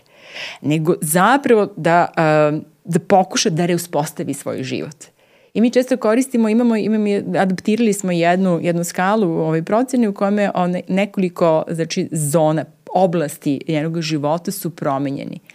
I onda mi e, koleginica rekla, znaš kako to dobro radi kad na početku žena može da kaže gde je, a onda kad posle izvesnog broja razgovora može da se promeni šta je, u kojim zonama ona vratila kontrolu, u kojim životu ona je svoj život vratila sebi mm -hmm. i to nisu laki procesi, to traje kod nekih žena i dve, tri godine i ne mogu da vrate sve procese, jel tako lako, ali da mogu da naprave napredak. Jedan od prvih napredaka A i kad sam to prvi put čula, mislila sam, jao, pa to je skoro ništa, a onda sam shvatila da jeste. A to je da može da odluči, na primjer, šta će da kupi sebi, mm. kako će da se obuče. Znači to, dakle, na, mi ne razumemo do koje mere ta kontrola u nasilju zapravo uspostavljena i ta mikroregulacija, da ona čak ne može ne, odlu, ne odluči da li će kupiti tašnu ili, ne znam, ove boje ili one boje. Mm -hmm. I onda neke žene kažu šta je uradila za sebe uh, dobro, a ona kaže kupila sam crvenu tašnu. Ceo život sam želela da imam crvenu tašnu i kupila sam crvenu tašnu. I to je veliki prvi korak. Da, i moram priznati da se ježim sve vreme dok pričate, jako mi je ovo, nekako vraća mi ovaj uh, nadu u to da stvarno postoji bolje sutra i nakon tako užasnih, tragičnih ovaj, situacija Jeste, i baš mi je drago da, zbog da, toga. I da, da nekako, s, bar na tom mikroplanu možemo da pomerimo da, za svakog po nešto, E, što je u stvari veliko, velike. ali mi često iz struke i čini mi se to, sviđa mi se što govorite o autoritetima, ne vidimo koliko su tako male stvari velike za osobu koja je trpela sistematsko jedno dugotrajno yes. nasilje gde može samo da odluči za tu jednu crvenu torbu koliko je tu stvari unosi promenu i radosti yes. u nečiji život. Yes. Da, da. Yes. Um, ako se slažete, uh, ja bih mnogo voleo da mi ostavimo podatke Autonomnog ženskog centra ispod ovog videa uh, i, i broj telefona prosto na koji um, mogu žene da se obrate uh -huh. u slučaju da se prepoznaju da, uh -huh. da trpe nasilje. To je ovaj da... besplatni 0800 100 007. Ovo 007 nije slučajno. Aha, aha, aha, sviđa mi se. Da, da, da.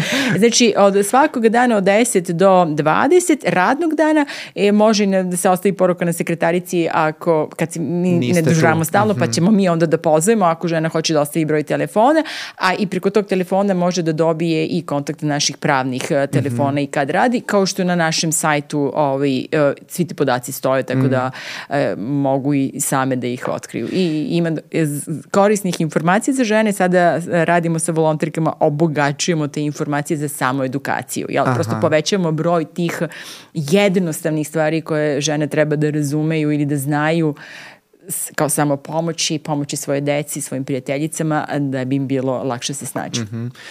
E, e, I posljednje, posljednja stvar, uh, uveli smo neku spontanu rubriku, da kažem, na kraju svake epizode uh, volim da pitam gosta da li imate neku preporuku za uh, neku popularnu literaturu ili neki film ili neku seriju. Već ste rekli ovaj dokumentarac i to mi se sviđa što ste spontano to radili bez da sam vas pitao. Ako imate još nešto, a ja imam već nekako su mi iz ovih vaših priča sam dobio razne asocijacije vezano, pošto sam ja veliki seriofil, ovaj, mm -hmm gledam mnogo serija ovaj, u poslednje vreme i mogu da preporučim neke koje su se meni dopale, ali prvo ću pitati vas vezano za uh, knjige, serije, filmove ili nešto vama lično što se svidelo što biste preporučili, a vezano je za ovu temu i da nekako lepo oslikava ovo.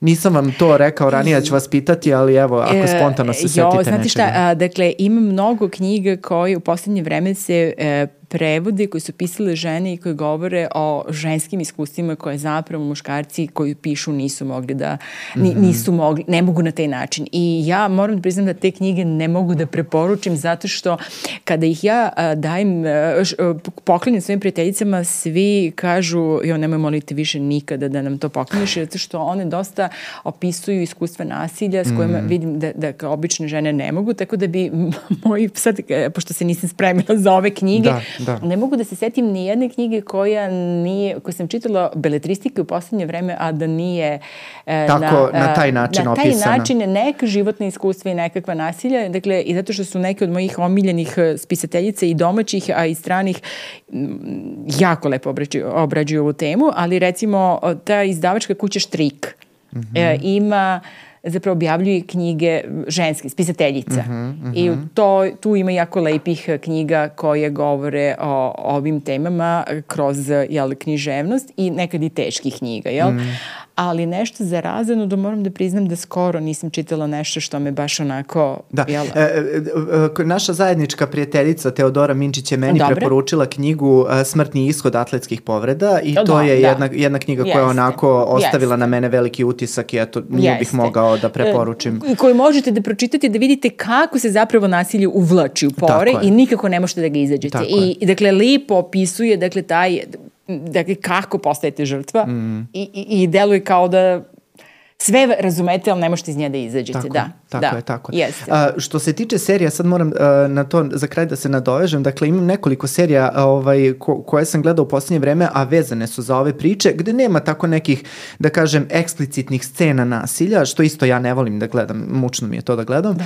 ali e, recimo ima jedna serija koja se zove Unbelievable, poslednja, u poslednjih, ne znam, godinu, dve je izašla na Netflixu i govori o a, slučaju seksualnog zlostavljanja devojčice devojčice, međutim to nije primarna mislim da sam je već jednom preporučivao, nije primarna e, tema same serije, nego u stvari jedna retraumatiz, jedna sistemska retraumatizacija e, kroz šta ta devojčica mora da prođe nakon iskustva seksualnog nasilja u jednom dobro organizovanom sistemu. Navodno govorim pod znacima mm -hmm, navoda mm -hmm. dobro organizovanom mm -hmm. gde se navodno ob, obraća pažnja na sve, ali možda i previše. I onda govori o tome, o tom institucionalnom nasilju i, i tim različitim formama, da kažem, nasilja koja se ne prepoznaju. Druga serija koja mi se uh, iz neke druge perspektive uh, svidela, to je serija Made. Uh, bila je isto jako, mm -hmm. ova, kako se kod nas to može prevesti, kao uh, čistačica u, u kući, ne znam, mislim, ne znam, maid kao sobarica ili da. kako već.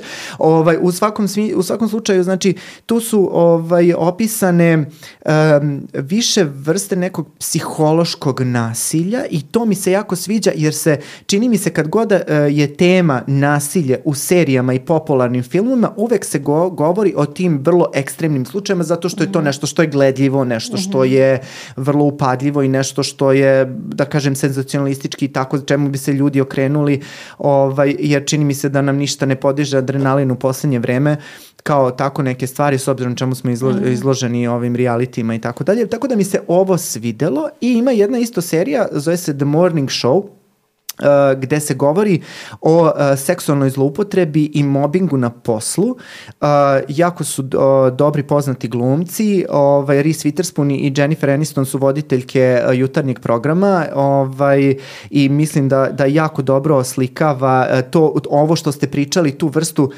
kontrole Znači, mhm. taj neki, e, taj neki aspekt gde muškarac je u kontroli, gde je on šef, a one su ispod njega i tako već jedna klasična priča, ali jako dobro prikazana. Čini mi se da mhm. jako dobro, ovaj, jako dobro oslikava uh, ovaj, oslikava celu, celu tu priču. Pa da onda verujemo kad se pogledaju te serije da će malo da se izmene ova, ja ovi stavovi uverenja nadam. da nešto sa ženama nije u redu. Pa kad da... ne čitamo protokole i zakone, bar onda da kroz tako neku popularnu Film, filmu. I da se onda da. možda povežemo sa tim ljudima koje poznajemo i da nešto to klikne, da promeni. Da postanemo osetljiviji. Čini mi da. se da smo nekako zatvaramo oči na ove stvari i to je ono zbog Sigurno. čega sam, da, zbog mm. čega sam u stvari i, i jedan od primarnih ovaj, mojih motiva za, za ovo, ovu epizodu, osim stope i broja užasnih koji, o kojima smo pričali, je u stvari ovo što mislim da uh, okruženje zatvara oči na ove, na ove stvari i ove teme. I ja znam da ova